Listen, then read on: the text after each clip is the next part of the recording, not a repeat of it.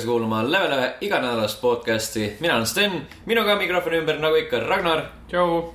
ja Martin. hei. ja, ja see vaikus, mida te kuulete, tähendab seda, et Andrei ei ole kolmandat nädalat äh, järjest podcasti jõudnud. Andrei, Andrei ei taha enam meiega lindistamas käia. no, Andrei sai tööd vahepeal. jah, tööd on nii palju. uksest ja akendest tuleb sisse, lihtsalt voolab seda järjest nii ta on jah. mis on hea, eestlane on tööloom. mm. -hmm. kuule, just, just kuna sa praegu uurid seal, siis äh, räägime kiirelt teleseriaalidest, mis teleseriaale te vaatate? oh issand ähm,, vaatan Walking Deadi vaatan, ma ei tea, miks, see on hea küsimus, sest, koheselt juba tekib, tekib nagu sihuke, Hämmastus. sest see on halb seriaal, see on alates teisest hooajast halb olnud, aga miskipärast ma olen vaatama jäänud, ma ei tea, miks. et jah, näiteks ma alustasin House of Lies'i või House of Cards'iga, jäid pooleli, aga jätkan Walking Deadiga, mis on naljakas. aga mida ma veel vaatan, The Leftovers, teine hooaeg algas praegu, mis on selline seriaal, kus äh, vist üks protsent või kaks protsenti kogu maailma rahvastikust ühel päeval kadus. keegi ei tea kuhu, üks protsent või? jah, kas see oli see Aga- kõige ülemine üks protsent või? jah, aga see üks protsent tähendab seda, et põhimõtteliselt iga inimene, iga perekond on sellest puudutatud. ja see on hästi selline müstiline seriaal, arva ära, kes see üks stsenaristidest on. inimene, kes oli ka Losti juures äh, ja Prometheuse juures, Damon Lindelof. ok, Ehk ma nimeliselt ei oleks äh, teadnud, aga seda aa, Losti okei., Losti Connectionit oleks jah, seda ma nägin, nägin tulemas jah. et sealt, sealt tuleb see müstika ka, aga väga hea on. ta ei ole Lindelofilik hull. ta ei ole veel perse keeranud seda, veel, mitte, veel mitte. aga küll ta jõuab, mida hooaeg edasi, seda, seda hullemaks läheb nagu noh, et tal on piisavalt nagu võimalusi. potentsiaali. jah, ei, pikki seriaale ma ei jõuagi praegu vaadata, aga um, lühikestest vaatan Big Bang Theory, lühikestest. kakskümmend minutit. aa, no selles mõttes lühikestest, okei. ja siis vahepeal juba Toyota hooaeg, hooaeg väljas. vaat-, ei, ei, ei, see on lihtsalt külge jäänud sari, mida nagu jäänud vaatama lihtsalt algusest peale. ma vaatan, miskipärast vaatan Modern Family't. sa ise ka ei tea, miks? ma ei tea, miks, see on jälle harjumus. Family Guy'd vaatan, South Park'i vaatan, South Park on praegu väga hea olnud. viimased kaks hooaega vist on sellised hoopis teise suunaga olnud äh, kui varem, et enam ei ole siuksed, sellised äh, nii-öelda äh, eraldiseisvad episoodid, vaid nüüd on pigem, et kõik osad on seotud esimeses osas toimuvaga. et üks suur lugu on vaikselt nagu sihuke väikeste ja pigem visuaalsete elementidega on need seotud. Äh, jah, sest noh, kui nüüd vaadata neid osi, mis on see hooaeg tulnud, siis esimesed kaks osa vist tegelesid selle teemaga. mis sealt noh, esimeses osas välja anti, siis see kuidagi hakkas ära kaduma vaikselt, tegelased jäid samaks. aga uued teemad tulid sisse, aga ikkagi taustal nagu jookseb. kõik need elemendid nagu tegutsevad taustal kuidagi. Mm, mm. et nagu need põhilood on ikkagi eraldiseisvad asjad. aga muidu mina vaatan ka South Park'i jah, see on tõesti hea. sest ma olen jäänud vaatama ja vaatan ilmselt edasi ka, et ma ei usu elu sees, et ära lõpeb. Kuigi kuskil räägiti, et kui ta lõpeb ära, Mis siis tuleb South Park, South Park siis Jaa. tuleb ka uus South Park'i film, mm.. okay.. aga see on aastal kaks tuhat kuuskümmend viis võib-olla. ja, ja ma ei mäleta, mitmeks hooajaks nad selle ametliku lepingu tegi, aga ma tean, ma olen lugenud selle kohta, et äh, Parker ja Stone on öelnud, et nad tahaksid teha nii kaua, kuni neil totaalselt kopp ees on sellest. Nende see, võtab tõenäoliselt päris kaua aega. Jaa. võib-olla jah, vaadates nagu neid viimaseid hooaegasid, siis on nagu sihuke uus hingamine tõesti leitud, et just. vist, vist veel läheb aega noh. kopp saab siis ette minna, kui sa nagu toodad sarja nii, nagu tavaliselt toodetakse sarja. aga kui sa pead iga nädal mõtlema uue episoodi sisu välja, suvalistest teemadest, mis nagu maailmas toimub, siis see on nagu nii nagu loomingulist nõudev või improvisatsiooni nõudev, et see nagu, sa ei saa nagu väga väsitada või nii, et see ongi kogu nende elu Mm -hmm. uh,. Brooklyn Nine-Nine'i vaatan ka, mis on see Andy, oli vist Andy, Andy Sambergiga, tüüp sealt Lonely Islandist uh,. politsei nii-öelda, need rutiinsed politseidraamad nagu CSI, nende nii-öelda paroodia. kuigi see, millega nad peaksid tegelema, ehk siis juhtumite uurimine, nad ei tegele sellega kunagi. Nad teevad seal üksteisele nalja kogu aeg. kui veider, ah, so quirky. Goofy, goofy. ma praegu vaatan veel üle, aga ei, see on rohkem pole väga jõudnud. Martin, Martin, viska enda kaks senti siia koti sisse. kohe, kohe, mina las ta kõliseb. alustan. Supergirli vaatasin ka, noh, esimene osa. halb. trummipõrin. ma ei, ma ei saanud aru, et kas see oli tehtud tõsiselt või mitte. et see oli kohutavalt halb. aa, okei okei, okay.. ütleme, et, ütleme, et oli võetud tõsiselt, hinnang kümne palli süsteemis. ei lihtsalt, nagu kui, kui Nolan ja Snyder on oma filmidega olnud väga sü- süngid ja tõsised, siis tundub, et Supergirl, need tegijad mõtlesid minna nagu keerasid selle nunnumeetri ja selle lahjasuse meetri siukse, et nagu me oleme nii rõõmsad, nii põhja kui vähegi saab, et vastanduda täielikult sellele, mis oli näiteks Man of Steel. Et seal on Supergirl lihtsalt mingisugune ebalev noor tüdruk, kes tõmbleb ja karjub kogu aeg ja siis siis ta on, siis Supergirl oli hea seda öelda. ei olnud. asi ongi selles, ei olnud. Self-five.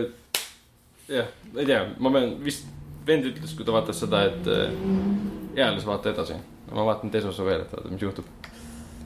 okei, aga mina vaatan samuti nagu Ragnargi äh, The Walking Dead'i. Ma ei saa aru, mis te teete, mis te, samuti täpselt nagu Ragnar, ma ei saa täpselt aru, miks ma seda teen, sellepärast et sari ei ole väga hea. lihtsalt, lihtsalt lõpetage. ei ole enam juba päris ammu olnud väga see ei ole hea. raske lõpetada. Sa lihtsalt ühel päeval ütled, et ma rohkem ei vaata. ei, ma ei vaata enam Walking Dead'i. ma luban ja järgmisel nädalal ma tõenäoliselt vaatan uuesti Walking Dead'i, aga see selleks. jah, Walking Dead, siis äh, Mr Robot. Mr Robotit ma vaatan, esimene hooaeg on juba küll veel läbi saanud, just juba läbi saanud jah, mul on veel äh, finaal, finaalosa vaatamata. luba, lubati, et teine hooaeg tuleb eelmisest väga süngem süngem, versioon just seda, seda ma olen ka kuulnud, nii et äh, Mr Robotit vaatan, siis äh, äh, Black Sails. millest Mr Robot räägib? põhimõtteliselt räägib häkkerist nimega Elliot, kes äh, töötab ühes äh, IT-firmas, mis tegeleb põhimõtteliselt ühe suure, suure firma nii-öelda IT-kaitsega. aga salaja ta on siis äh, samal ajal äh, nii-öelda küberterrorist, kes planeerib nii-öelda ütleme maailma muutmist läbi meile teadaoleva, kas ma spoilerdan praegu või? Mitte eriti, jah, meil, meile teadaoleva maailmakorra, mis põhineb väga palju nagu internetil ja ühenduvusel, seda, seda nagu muuta. see kõik nagu saab selgeks pilootepisoodi jooksul põhimõtteliselt. jah, põhimõtteliselt jah, et see ei ole tegelikult spoiler. aga ja, see, aga no mis, seal on veel alateemad mingisuguste nagu mentaalsete probleemidega ja, ja hallukatega ja mida iganes, see, see nagu, nagu meil kõigil. nagu meil kõigil tegelikult igapäevaelus jah, tuleb Mhm., tuleb filmi pista. ta on nagu klassikaline juhtum, et kõigile see nagu paistab ja vastupidi. Samas ta ütleb kohe välja, mitte mängu, sari alguses ütleb kohe välja esimeses episoodis, et mis, mis, mis toimub. ja siis kogu selle ülejäänud mingi, vist, mitu osa seal oli, kolmteist? kümme vist. jah, mingi kuus osa, ma olen üsna selge, et ma tean, et mis, mis toimub. ja siis viimastes osades mõtled, haa, ma teadsin, et see tuleb, aga päris, mitte päris niimoodi ja ma olen natuke segaduses. et ma ei saa jälle rääkida, kui ma ütlen välja, mis see põhilugu seal tegelikult on, siis jah, rikub ära kõik. Aga suurepärane asi on. selge. seda, seda ma kuulsin, et suurepärane nagu seda, kui sa lugu jutud, jutustasid, siis ma nagu tähelepanu natuke hajus, seega spoilerid minuni ei jõudnud nii ja ma ei, või ma ei, isegi ei spoilerdanud need. no näed, siis no, lihtsalt siuke fail safe väike. ja, aga enne kui Sten lihtsalt mulle vahele karjus, kui ma, kui ma lauset äh, lõpetasin, siis äh, Black Sails, ma vaatan Black Sailsi ka, mis on tõenäoliselt äh, äh, kõige lemmikum nendest asjadest minu puhul, mida ma vaatan. on, on täiesti, täiesti võrratu sari ja äh, need, kes ei ole veel seda vaadanud, siis, siis kindlasti, kindlasti väga-väga soovitan. sellel jookseb teine aeg juba. teine hooaeg sai läbi Üh. Äh, ja Mulle ei- läheb, läheb kolmandasse. aga Black Sailsi teine hooaeg on üks kõige paremaid asju, mida ma olen televisioonis näinud, et see väga, väga, väga hästi kirjutatud ja lavastatud ja, ja üldse väga võrratu asi, nii et äh, kindlasti soovitan. aga see esimene hooaeg on natuke aeglane kohati, võib-olla sellepärast mul esimene hooaeg pooleli jäigi. no võib-olla küll jah, et äh, esimeste osade puhul ta võib-olla jätab siukse natukene tõesti aeglaselt nagu venima mulje, aga Jah. see Mhm., kuidas nagu ta, kui kvaliteetselt ta kirjutatud on ja kui palju nagu igal tegelasel on süžees midagi teha. ja see oli küll vägev, aga lihtsalt ühel hetkel oli see, et ähm, huvi kadus ära, et see, see, mida nad otsisid, võttis nii kaua aega, et leida ja see, mis intriigid seal olid, mind ei huvitanud mm. -hmm. sama asi, mis oli selle True Detective teise hooaega. Mhm. tegelased on ägedad, aga plott, mis seal toimub, on, mind ei huvita. okei, mind ei no huvita, et sul on mingi maatükk kuskil, sa ei saanud raha selle eest, mind ei huvita. Get the fuck out. sa räägid kak- kaks osa jutti, räägid sellest, et sa ei saanud maatükki mingilt tüübilt. keda, keda, keda see huvitab nagu? ja ilmselgelt mitte sind Okei. okei, tagasi väga, väga emotsionaalne, väga Black emotsionaalne. Salesi juures ja algustiitrid mulle väga meeldivad, algustiitrid on jah väga head. sarja puhul tihti on see, kui hakkad uut sarja vaatama vaatad algustiitreid. need on päris huvitavad, hakkad sarja vaatama, kurat, see on ka päris hea. no vot, no vot uh,. jah, nii et äh, Black Sails ja vahelduva eduga vähem intensiivselt vaatan Family Guy'd ja It's Always Sun in Philadelphia'd ka. seda ma ei suutnud vaadata. miks? ja Rick and Morty. Rick ja Morty, seda on geniaalne. jee, lõpuks ometi midagi, mida ma vaatan. ma vaatasin lõpuni, lõpuks ometi. ja, ja see, vaatasin lõpuni. Jah, see lõpp oli päris, oli, töötas. Päris- see oli päris, jah. see oli päris lõpp tõesti. ma loodan, et mitte lõplik. kuigi kinnitati ära, et uus aeg tuleb. ja kolmas, mingi pooleteist aasta pärast või jah, täpselt. oh,? no ja Sten, mis sina vaatad? midagi. mitte midagi. aknast välja lihtsalt tegid turu-uuringut, ma vaatasin eh, enne, et eh, mida ma olen üritanud kunagi vaadata. siiamaani seisab mul desktopi peal eh, Marvel's Agents of Shield'i teise hooaja kolm viimast osa, mida ma kunagi ei lõpetanud. ma vaatasin umbes sama palju. tähendab, sa ei, sa ei kunagi lõpetanud, aga ma vaatasin vist nelja või viite osa ja rohkem edasi vaadanud. okei okay., tore äh,, siis on mul siin äh, Arrow season kaks seisab mm., esimese hooaja vaatasin kusjuures lõpuni. Ma ei viitsinud. ma vaatasin, vist Arrows käib mingi kaks osa äkki esimesest Mm. hooajast ja ei tõmmanud väga. minu arust täitsa okei okay,, aga noh, ma ei tea, ei tõmmanud. ühe Fate City's või mingi. ma vaatan Batman'i edasi siis, okei okay.. uh,. Better Call Saul on mul siin, aa, okei. seda ma ei ole alustanudki. Firefly seisab, ma ei tea juba uh,, eelmise aasta septembrist saadik, miks? sest ma ei, mul lihtsalt ei ole siukest hetke, kui ma viitsiks vaadata midagi, siis kui ma viitsin vaadata, siis ma ei ole nagu siin selle arvuti taga. kas sa pole seda üldse vaadanud? ma ei ole üldse vaadanud seda. sa ei tea, mille, paneme kohe, paneme kohe selle oled kinni on seda nii mitu korda vaadanud, ma ostsin isegi kuradi, siis kui DVD-d olid popid, ostsin endale DVD box seti ka koju. issand jumal. see on kohutavalt hea.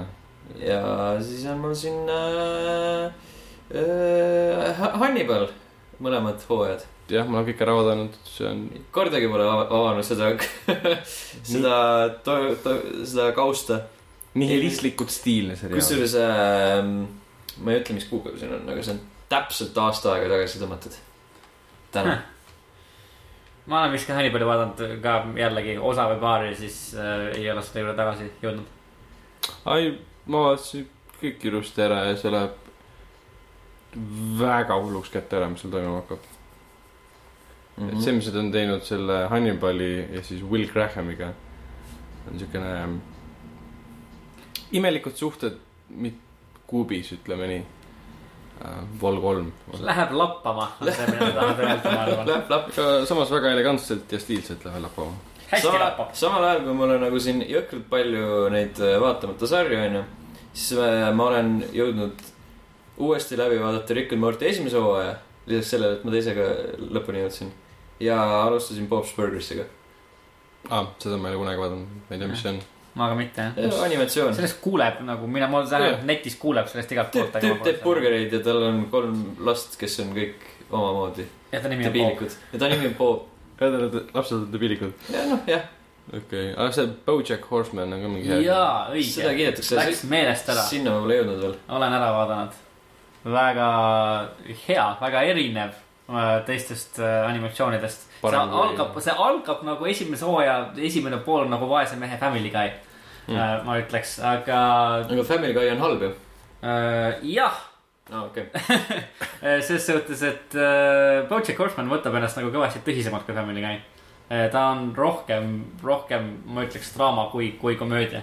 et need teemad, millega seal tegeleb ja see, kuidas ta neid lahkab, on, on väga täiskasvanulik ja kohati isegi väga julm. nii et kindlasti jah, soovitan. peategelane on hobune. peategelane on jah, hobune, kõnnib, kas, kelle nimi on Bojack või? kelle nimi on Bojack jah, ja kelle perekonnanimi on Horseman.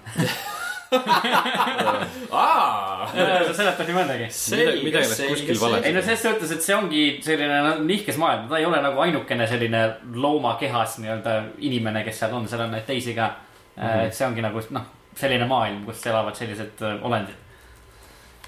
see on nagu pigem selline noh, süm-, süm-, sümbolism, et, et, et äh, allegooriline, et, et äh, Bojack on hobune sellepärast, et ta on selline kuidagi, ma ei tea, väga võib-olla siis nagu võtab vabalt või midagi, et nagu, nagu horse, horsing around, et inglise, inglise keeles selline väljend nagu, nagu hobused ikka võtavad nagu. hobused võtavad vabalt. siuke tüüpiline hobune, siuke klassikaline, tavaline klassikaline tori. hobune, me kõik võtab väga vabalt. traditsiooniline suhtumine. tore kogune. nii et jaa, Bojack Horseman ka, väga hea. selge, noh, vot siis sellega saabki siukse sarja, sarjanurga kinni tõmmata. Mis täiesti suvaliselt jaa, ma mõtlesin ka, mis oli, oli siin millegipärast, et et meil oli kogu aeg siis olemas see või? ei see oligi, see oli esimene, esimene ja võib-olla ka tõenäoliselt viimane.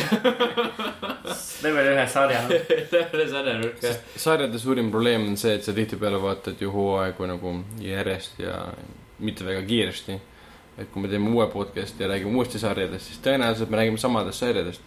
Aga see on lihtsalt äh, äkki siis level ühe teemanurk, et seekord olid sarjad, järgmine kord on näiteks äh, lemmikmahlad. mis, mis mahlad te siin all joonud olete? ja ei mulle, mulle, mulle maitseb kodu, kodu, Mahlalaadsed kodu keedetud tooted. mahlad ikka, et poest ma ei osta tavalist mahla.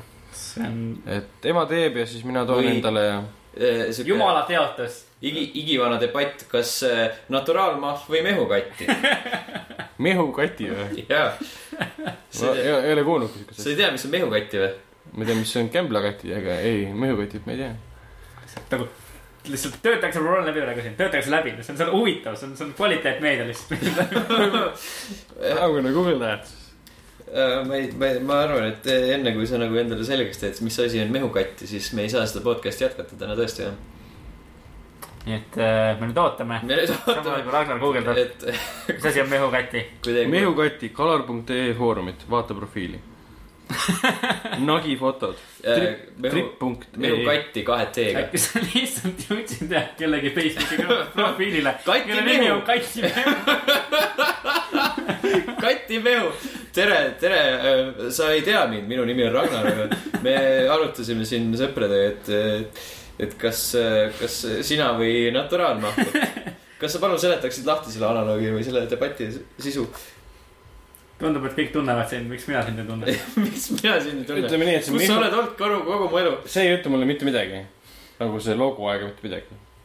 nagu trippi, seda ma tean. aga mehukati, seda ma ei tea.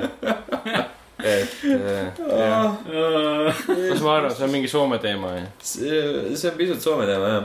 pisut, see on kaks D-d on sees, muidugi on Soome.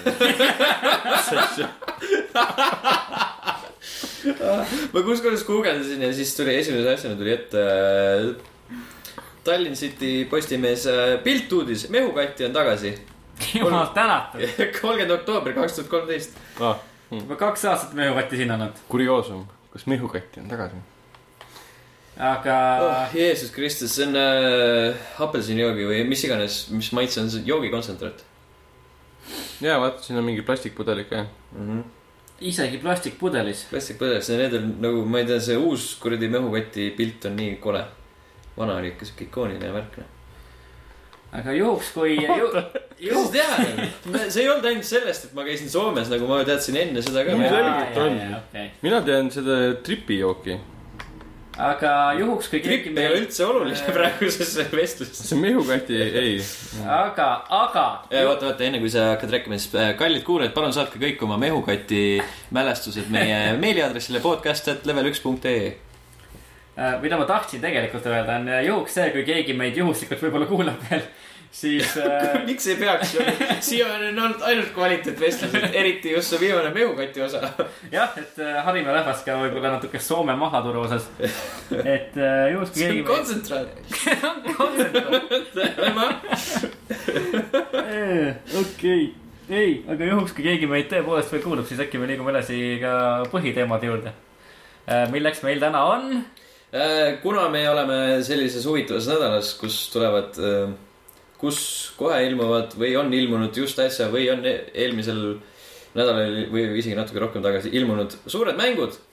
nagu Need for Speed, Assassin's Creed Syndicate ja Black Ops kolm, siis me räägime nendest seeriatest üldisemalt ja meie mälestustest nende seeriatega ja üldse muust seonduvast, näiteks ma tean, et Ragnar on näinud seda Need for Speedi filmi. kas ma olen ainuke tõesti või? jaa, jaa, sest meie ei vaata rämpsu. just. seal saab autodega sõita ja autod on halvad. Aaron Paul mängib seal, sellepärast oleks võib-olla võinud vaadata, aga jaa, Aaron Paul oli seal, Aaron Paul, ilma Näit-, ilma pitch'ita. jah, näitlejaannet seal väga ei olnud. aga miskipärast ta nagu töötas. ta nagu teadis, see film teadis täpselt, mis ta tahab olla. Need for, Need for, ei, mitte Need for, Fast and Furious'i koopia. kusjuures mitte, sest Fast and Furious nagu ei tegele enam vaata autodega eriti. Seal tegeletakse see family, mi familia, Vin Dieseli kurguhääl esimene, esimese Fast and Furious'i koopia. ka mingil määral, aga seal on nagu rohkem sellist seconds. nagu autodega ma kuulsin Sexy Seconds. ma ei tea, miks ma selle rohkem autodega tegelen vist kuskil mujal. aga ta ei ole Need for Speediga mitte kuidagi seotud nagu, see nimi on lihtsalt peale löödud sinna, et öelda, et näed, see on seotud Need for Speediga. aga kas neil oli vajadus nagu kiiruse järgi või? Kas neil oli siukseid, kas filmis oli siukest momenti, kus nad, nad äh,, äh, neile jõudis kohale arusaam, et neil on vaja hetkel kiiresti liikuda. kiiremini kui nad hetkel Jah. liiguvad. kiiremini kui hetkel. Äh, arvestades seda, et nad sõ- sõidavad seal päris mitu korda võidu, siis on see kiiruse vajadus seal jaa, No ühesõnaga siis- tihedane külaline õigustab oma pealkirja. ja õigustab pealkirja. See, et nagu see on seotud ühe mänguseeriaga, kus on autod, see on nagu lihtsalt boonus, see on nagu kirstordil. aga noh, päris Need for Speedi filmid on ikkagi, olgem ausad, Fast and Furious. jah, seda just äh,, kas Fast and Furious tuli, enne kui esimene või? ei mõtlen, et kumb, kumba nagu, vist tuli Underground peale Fast and Furious'i osa, esimest osa või? ma võin seda kontrollida, see üldse esimene Need for Speed tuli üheksakümmend neli. noh, seda Nii me ei ole äh, keegi mänginud raudselt. seda me jah, ei ole vist tõepoolest keegi sest me mänginud. oleme jõudnud sellele arusaamale, et äh, meie kogemused on osalised ja varieeruvad. ma olin siis nelja-aastane. Võib-olla. mind huvitab mingi Need for Speed. aga mis, mis oli esimene Need for Speed, kas mäletate, mis oli esimene Need for Speed, mida te, mida te mängisite? Äh, Need for Speed Porsche kaks tuhat Playstation ühe peal, Unleashed oli isegi seal alapealkiri vist veel. väga õige, on täpselt sama asi, ma mängisin ka esimese Need for Speedina Porsche't. no näed. Ja nüüd mitte üldse üllatuslikult sai seal sõita ainult Porschedega. väike, väike pettumus, et mängid seda ja mõtled, et aga kus Ford on? kus, kus kõik teised autod on nüüd, miks ma ainult Porschedega mängisin? kusjuures Need for Speed, tähendab, Fast and Furious tuli kaks tuhat üks välja nii. ja Underground üks tuli kaks tuhat kolm, Underground kaks tuli kaks tuhat neli. ehk siis Need for Speedi mängud tulid pärast Porsche Unleashed'i välja. tähendab, fuck. Fast and Furious'i film esimene tuli välja pärast Porsche Unleashed'i välja. ja Porsche kaks tuhat, miskipärast on kaldkriips pandud, see on sama asi või? Äh, ma ei oska öelda, võib-olla. ja vist küll jah, okei okay,, erinevad nimed. et põhimõtteliselt oli mõjutatud rohkem siis Hot Pursuit'ist, Porsche Unleashed'ist, võib-olla Hot Pursuit kahest. okei okay., nüüd me teame paremini. tagasi Porschede juurde. kuidas sulle meeldis Porsche Unleashed? ma, ma, ma ei mäleta sellest mängust enam nagu väga palju, aga mida ma mäletan, on see, et ma lapsena mängisin seda päris, päris palju, et, et äh, ma eeldan selle põhjal, et, et toona ta mulle, toona ta mulle meeldis. aga jah, seda sai, sai omajagu ikka, ikka, ikka päevade, päevade kaupa mängitud sõpradega. et äh, üks, üks esimesi kokkupuuteid äh, videomängudega üldse, ma arvan, minu puhul. mm. -hmm. sa mängisid Playstationi peal onju? PlayStation ühe peal. me, seda on, see on ilmunud ka PC peal. Ja Vikist võib välja lugeda, et äh, need kaks versiooni olid äh, omavahel väga erinevad. ja on tõenäoline, et kasutati isegi totaalselt teist mängumootorit, okei okay., need on nagu kaks erinevat mängu siis põhimõtteliselt, aga sama nimega. aga sama nimega mm. -hmm. no selge, miks ka mitte. mina mängisin hästi palju seda ja ma, ma arvan, et ei no mitte peast, aga nagu ähmaselt mäletan peaaegu kõiki radu, mis seal olid. Sest ma ikka, see oli esimene Playstationi mäng, mis mul oli, seega tähendab, et seda muud ei olnud mängida. nii et äh, seda sai kõvasti käiatud. seal oli see äh,, no seal oli see tüüpiline see arcade mode, kus sa said mingit niisama sõita, onju.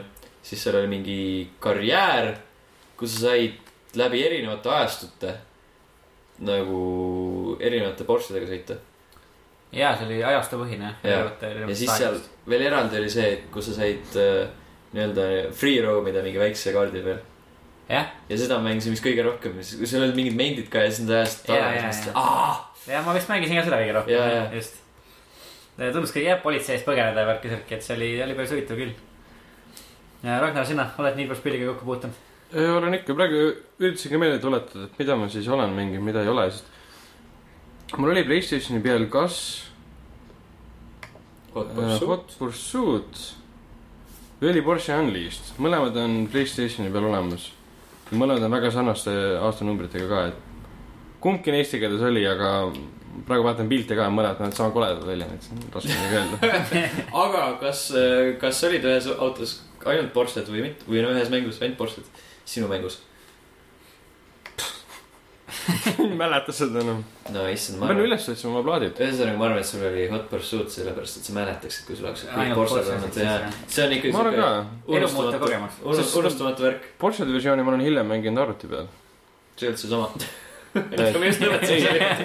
mingid, mingid koop, mingid remake'id tehti või midagi laadset või pordid või mis iganes. ei olnud või? hilisemad mängud, ma pean jälle järgi vaatama. Hot Pursuit'i nagu remake itud, ega siukest sporditud küll ei ole, ma arvan. Kaks tuhat kümme aasta oma.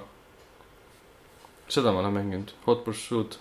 no seda ja, ja, seda mängisin aga mina ka. Porsche Unleashed'i seda ei ole jah tehtud. seda ei ole tehtud, aga Hot Pursuit'i see ja, remake või remaster, mis iganes ta on või spirituaalne successor, seda ma olen mänginud ja see mulle absoluutselt ei meeldinud, sellepärast et see oli kuidagi sihuke, ma ei tea, puise juhitavusega minu meelest, vähemalt mm. minu jaoks.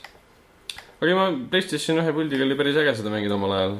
see oli umbes samal ajal, kui mängisin hästi palju Grand Turismo. kurat, kas see oli nüüd üks või kaks, seda ma ei mäleta enam.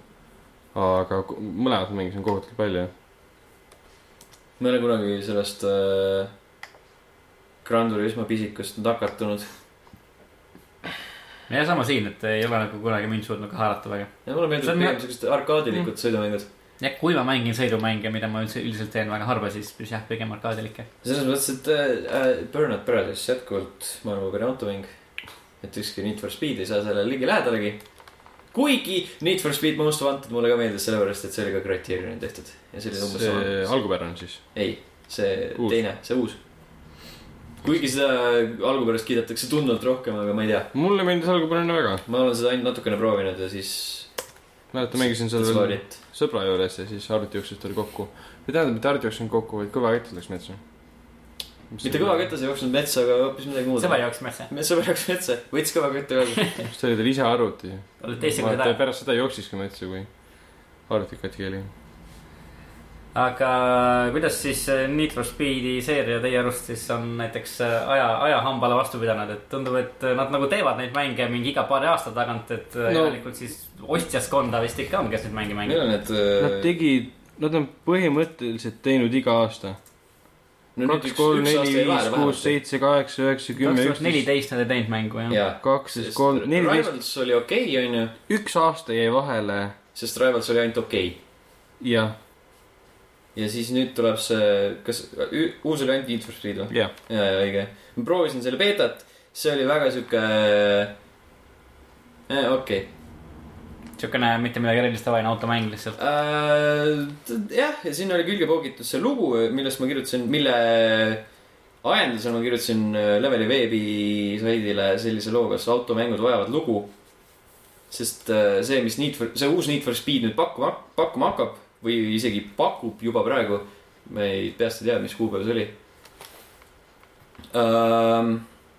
see on selline asi, mida on nähtud juba ükskõik mis teises formaadis kuskil teleseriaalis või filmis või teistes videomängudes, mis on autodega seotud. kus sa oled mingi sihuke tüüp, kes sõidab hästi ja siis teised tüübid, kes on siuksed lahedad ja sõidavad hästi, ütlevad, oo, sa sõidad hästi, tule sõida meiega, sõidame koos hästi. ja siis. kõlab nagu The Crew. jah, see kõlab põhimõtteliselt nagu iga teine auto Iga teine põhine auto, mäng kus ja, või film. nagu või no näiteks Forza Horizon kaks, et oo, siin on nii äge festival, kuule, sa sõidad nii hästi, oo. nagu aga noh Eh., sa ei, sa ei mängi seda sellepärast, et kas see tegelane on lahe ja kas ta on hästi kirjutatud ja kas tal on dramaatiline taust ja kas Jaa. ta läheb kord ja kas, kas nagu mängul on sõita, sulle onju. midagi öelda. ma tahaks nagu sõita, aga nagu vi- viskad sinna vahele mingeid kuradi live action stseene, kus No tüübid hängivad kuskil, et jaa, jaa, mingi kaks minutit räägivad, kuidas üks kolmas tüüp on mingi jumala hea sõitja ja siis sa pead nii kaua sõitma, kuni sa saad temaga sõita ja siis, tegelikult peaks kõik vahehoidjad ära võtma, olema niimoodi, et ole esimene, ole esimene, ole esimene. tuleb kohe teada lihtsalt, on kõik. See peab, kõik mängud peavad olema nii, nagu on kuradi Burnout Paradise, sellepärast et sa Jah. sõidad nagu mööda seda fucking avatud maailma ringi. ja seal on need äh, võidusõidud, aga sa ei pea neist osa võtma, sa lihtsalt sõidad, onju. lõhud äh, kuradi neid reklaamtahvleid ja mis iganes, onju, avastad seda maailma, mis on ilgelt lõbus. või, ja siis äh, vahepeal tulevad need äh, autod sulle vastu, keda sa saad nagu võita või noh, Väljakutse. nagu välja puksida tee pealt. Mm. ja siis saad nende auto endale nagu. oota, kas uues Need for Speedis on siis avatud? jaa, avatud maailm on see jah.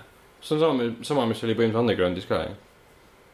mina ei tea, kas sul, ma tean, et see Hot Pursuit oli kinnine, aga kas ülejäänud on minu arust Limit, ei, fui, mis asi see on, vale asi. Rivals oli küll avatud maailmaga, Most Wanted oli avatud maailmaga. sest mul on meeles Underground üks või kaks.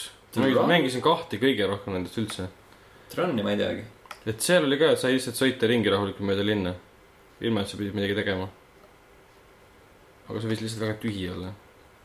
sest tegelikult ma vaatangi, mul on niimoodi, et Underground kahte Most Wanted'i mängisin. ja siis on mingi üks, kaks, kolm, neli, viis, kuus, seitse, kaheksa, üheksa, kümme, üksteist, kaksteist mängu vahele jäänud. no aeg, aeg veel tagasi teha. ma vaatasin, oota, The Need for Speed esimest ma ei ole mänginud, Need for Speed kahte ma ei ole mänginud, Need for Speed kolm Hot Pursuit'i ma ei ole mänginud, Need for Speed High Stakes Road Challenge, kaldkriips oli seal vahepeal, ma ei ole Jah. mänginud. Need for Speed Porsche Unleashed, Porsche kaks tuhat, see on see, millest me rääkisime mm.. Mm, Hot Pursuit kaks, mm. ma ei ole mänginud, Underground ma ei ole mänginud, Underground kahte ma ka ei ole mänginud, see oli Underground ühte, kohutavalt hea. ma tean. ja omal ajal, no Underground kaks oli siis, kui ma käisin, ma ei tea, mingi põhikoolis võib-olla isegi varem või ma ei tea, kaks tuhat neli. Ma ei mäleta enam peast ma, olen põhimõtteliselt sama põhikoolis. sama vanad vist, et gümnaasiumi alguses, mina, mina tegin, käisin ka siis ju ma ei tea. mängimas Playstation kahe, kahe peal veel. ja, ja see oli mingi ilges teema, siis äh, mul ei olnud arvutit, mis oleks seda mängu välja vedanud ja siis mul oli ilgelt kurb olla. mul polnud arvutitki siis. no näed äh, ehk siis esimest Undergroundi ma olen natukene proovinud GameCube'i peal. aga see oli ka väga vähe, kingubi peal. jah. esimest Most Wantedit olen proovinud PS2 peal natukene. Carbonit olen proovinud PS2 peal, Pro Street olen proovinud PS2 peal, Undercoverit olen proovinud PS2 peal, Shifti ei ole mänginud. mis asi on? Nitro ja Shift tulid samal aastal välja. Nintendo DS ja Wii, ei ilmselgelt pole mänginud. Ah, Need for Speed World'i, Free to play MMO ei ole mänginud, obviously. Hot Pursuit oli juba räägitud, Unleashed, Shift kaks Unleashed, ei. The Run, ei. ja see pidi ilgelt jama olema kusjuures, see veel see, mida reklaamiti loo pärast, jah. ma mäletan ja. ja see kõik pidi halb olema. ja Most Wantedit olen mänginud, meeldis, Rivalsit olen proovinud, oli okei ja siis on No Limits on. okay.. iOS ja Android kaks tuhat viisteist. mul kadus huvi ära. vot, ja uut, uuest ja uus Need for Speed siis äh, beetot olen proovinud. aga huvi on uue mängu vastu, peale beetot ei, mitte eriti. ma ei viitsi nagu neid äh, story osi seal uurida nagu, kui ma saaks lihtsalt niisama sõita, sõita ringi nagu Burnout Paradise. ja keegi mul, nagu Burnout Paradise'is, keegi helistaks mulle, et joo mees, tule lähme sõitma. sest, et sa sõidad nii hästi. jaa, sõid nii hästi, lähme sõidame koos. Elemental Crew. tuleb midagi muud teg-, ei tehtagi, kui keegi helistab sulle alati. kuule, sa oled hea sõitja, tule sinna, hakkame sõitma. Hey, it's your cousin Roman, let's go bowling. Hey Nico, let's go bowling. Do you want to see big American titties? kui ma täpsemini teaks, siis ma ütleks, et sina oledki see hääl. mulle meeldib see nagu see kõige mõnusam, see on üks hääl, mida ma oskan ei, seda küll jah. aga ei, aga mul ei ole Need for Speedi seeria vastu kunagi nagu ka väga suurt äh, huvi olnud. nagu me rääkisime, siis Porsche't mängisin, Most Wanted'it mängisin ka vist kunagi ja pärast seda ma pole, pole selle mängu poole enam teist korda, selle mängu seeria poole enam väga teist korda vaadanud. Tuli ausalt öeldes natukene isegi üllatusena, et neid viimastel aastatel nagu igal aastal on mäng välja tulnud. sellepärast, et äh, minust on nad üldiselt nagu suhteliselt mööda läinud. no ja osaliselt on ta tõesti nagu allapoole radarit jäänud, et need äh, nimed, mida ma siin ette lugesin, need tunduvad, valdav enamus tundub nüüd väga tuttavad, aga kui keegi küsiks, et oo, millal nad ilmusid, siis ma poleks kunagi öelnud, osanud öelda, et, et ah, üle, nagu igal aastal. ja just, et, et sa nagu kuuled neist kuskilt, mida, kui sa ei ole just automängude fänn, mida mina ei ole, siis sa nagu kuuled nendest mängudest kuskilt, nad käivad meediast läbi. registreerid nad ära, et midagi siukest tuleb, aga, aga väga nagu tähelepanu neile täpselt, mul on täpselt sama su- suhe praegu selline ülejäänud mängudega, et kuulsin, et iga aasta tuli üks välja, aga huvi puudus täielikult. tundub, et nad üritasid nagu igale konsoolile nagu generatsioonile teha vähemalt neli mängu. just, et aga nagu, tundub vähemalt, et äh, üldiselt huvi Need for Speedi seeria vastu äh, on säilinud, sellepärast et äh, miski peab õigustama asjaolu, et nad teevad iga aasta uue mängu, keegi peab neid mänge ostma. Nii et järelikult. see on nagu mingi sihuke ühine joon kõikidest, kõikidel neil mängudel, millest me räägime täna. no jah, seda, seda et ka. keegi kurat ostab neid ikka veel, no aga ma arvan, et võib-olla. osaliselt miks. võib-olla need ja osaliselt miks jah, seda küll, aga võib-olla nende ülejäänud kahe mänguseeria puhul on see nagu äh, huvi ja populaarsus vähemalt äh, natukene rohkem tähelepandav kui, kui Need for Speedi seeria puhul, minu arust. ja seda teeb kusjuures sama stuudio, kes tegi Rivalsi. noh, see ei ole nagu eriline üllatus. Ghost Games. see oli nagu päris nende stuudio nimi või? jah, Ghost okei. Games. ma mõtlesin, et sa teed nalja. aga siis aga siis nüüd ma muutusin kurvaks veits sellepärast, et kellegi nimi on Ghost Games. kas sa tead, et on olemas sihuke Eesti äh, väike stuudio, kes teeb mobiilimänge, kelle nimi on Lasna Games? huvitav, kus nad baseeruvad. Mustamäel. Aga Musta Games oli võetud juba. lihtsalt millega tegeleb Ghost Games? õudusmängudega. ainult Need for Speedi mängudega. ma lootsin, et õudukad olid. et noh, nad ei olegi midagi rohkem teinud. oleks sobiv neile jah, õudukad. seal on äh, endised kriteeriumi inimesed. tüübid läksid minema, et läksid töötama Visceral Games'i, Visceral Games'i. Hardline'i Visceral. peale. Visceral, Visceral. Games, mida nad teevad üldse praegu? mäletad, see oli mingi eelmine E3, kus nad rääkisid, näitasid mingit, aa, meil on mingi projekt ja siis näitasid, kuidas inimesed joonistavad paberile midagi ja mingit väga katkist alfat nägid.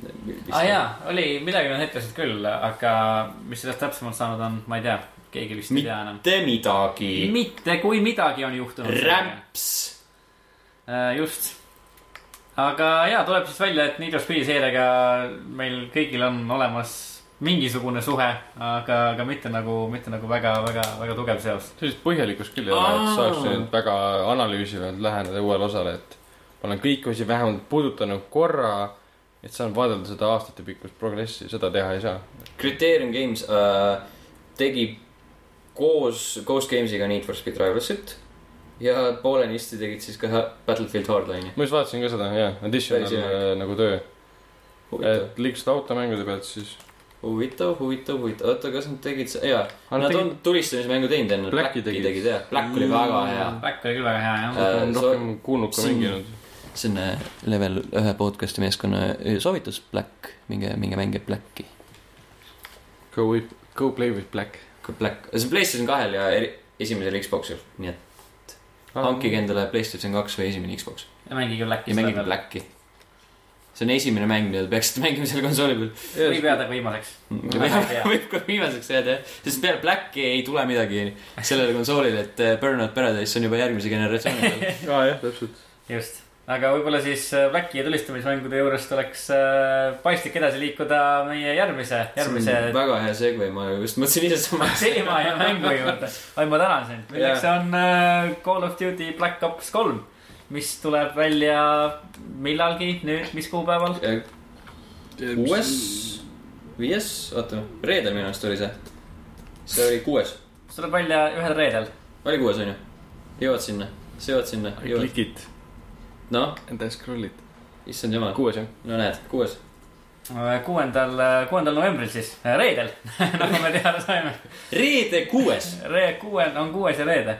Ja jah, et äh, jällegi siis, et äh, kuidas, kuidas, kuidas on teie suhted Call of Duty'ga, ma tean, et Sten vist äh, mängib, mängib Call of Duty't päris, päris korralikult. Äh, mul on riiulis kõik Call of Duty'd alates neljandast, välja arvatud Ghost. Ghost, lihtsalt vist. ma ei tea, oota, Call of Duty, Call of Duty Ghost. miks, miks Ghosti seal ei ole? Ghosts. Ghostsi, vabandust. Ghosts. ole? sellepärast, et see oli nii eepiliselt halb, et ma ei tahtnud seda isegi füüsiliselt omada. selge. aga jaa, et Ghost vist, Ghosts, vabandust, ta sai vist päris, päris halbu, halba tagasisidega nagu meedias üldiselt äh, mängu, mängukriitikud tegid teda päris palju maha. nojah, seda ju reklaamiti nii suurte sõnadega.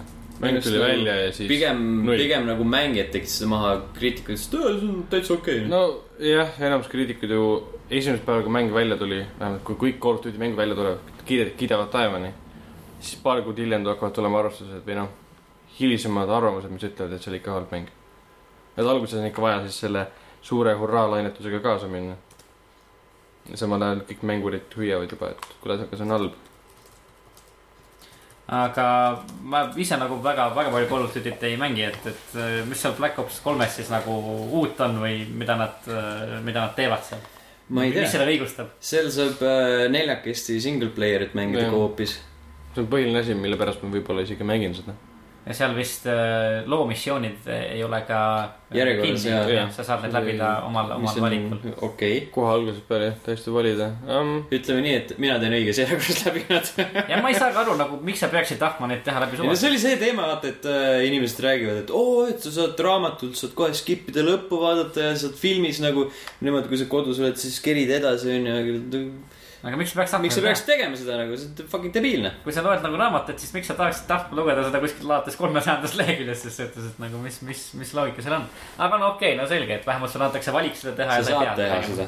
just täpselt. kuskil ma lugesin, et äh, kõige suurem zombi osa üldse, mis nad teinud on.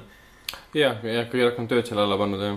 jah, Nad nagu mõistsid, et see on populaarne, mis on kogu aeg olnud nagu yeah. populaarne. Mis tähendab seda, et nad võiksid varsti lihtsalt zombimängu eraldi välja lasta. kaks korda rohkem raha.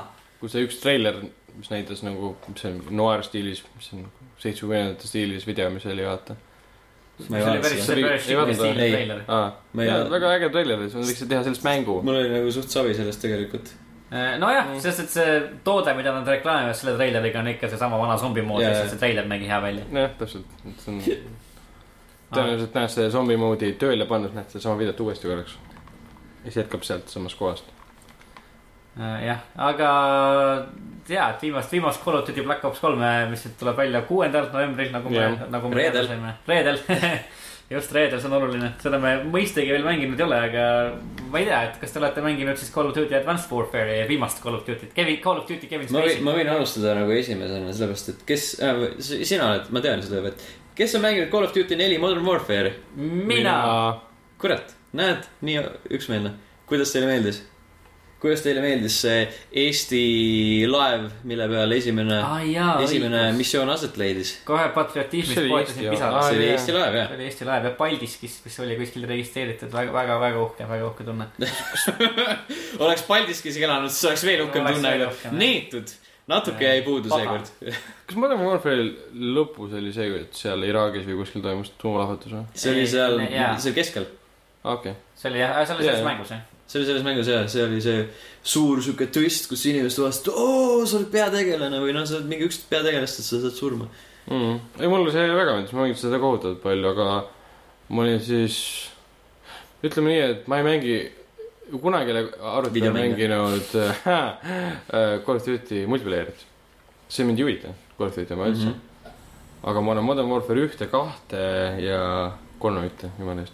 aga ühte-kahte olen tegelikult korduvalt mänginud kampaaniat läbi. see on hästi tehtud, hästi konstrueeritud, see oli hea struktuur. siis see, see võimas tunne, mis oli vähemalt e- esimeses Call of Duty's ja teises. kuna ta tutvustas ennast esimest korda see seeria sellega, võrreldes Medal of Honoriga, et see ei ole üksikkangelane, sa oled meeskonnaga mm. -hmm. Ja see on nüüd ära kadumas vaikselt. aga Modern Warfare'is oli tunne olemas, et sa jooksed meeskonnaga, okei okay,, see on väga patriotistlik, et sa jooksed seal eh, USA sõdurina pruuni inimesi tulistama, sest noh, kõik vastased on pruunid ja venelased seal. aga ikkagi see tunne, et pruunid venelased. päevitunud. päevitanud, nad on päikest Iraagis. näinud vene, vene härrasmehed. Et sa jooksed selle pruunile armeele vastu, et see tunne oli seal kampaanias äge.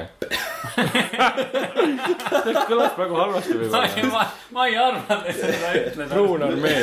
punaarmee, see on nagu sihuke järgmine etapp Punaarmees, et kui nagu Aa. vennad on nagu ei päevitunud. noh, pruun armee on tegelikult Hitleri armee.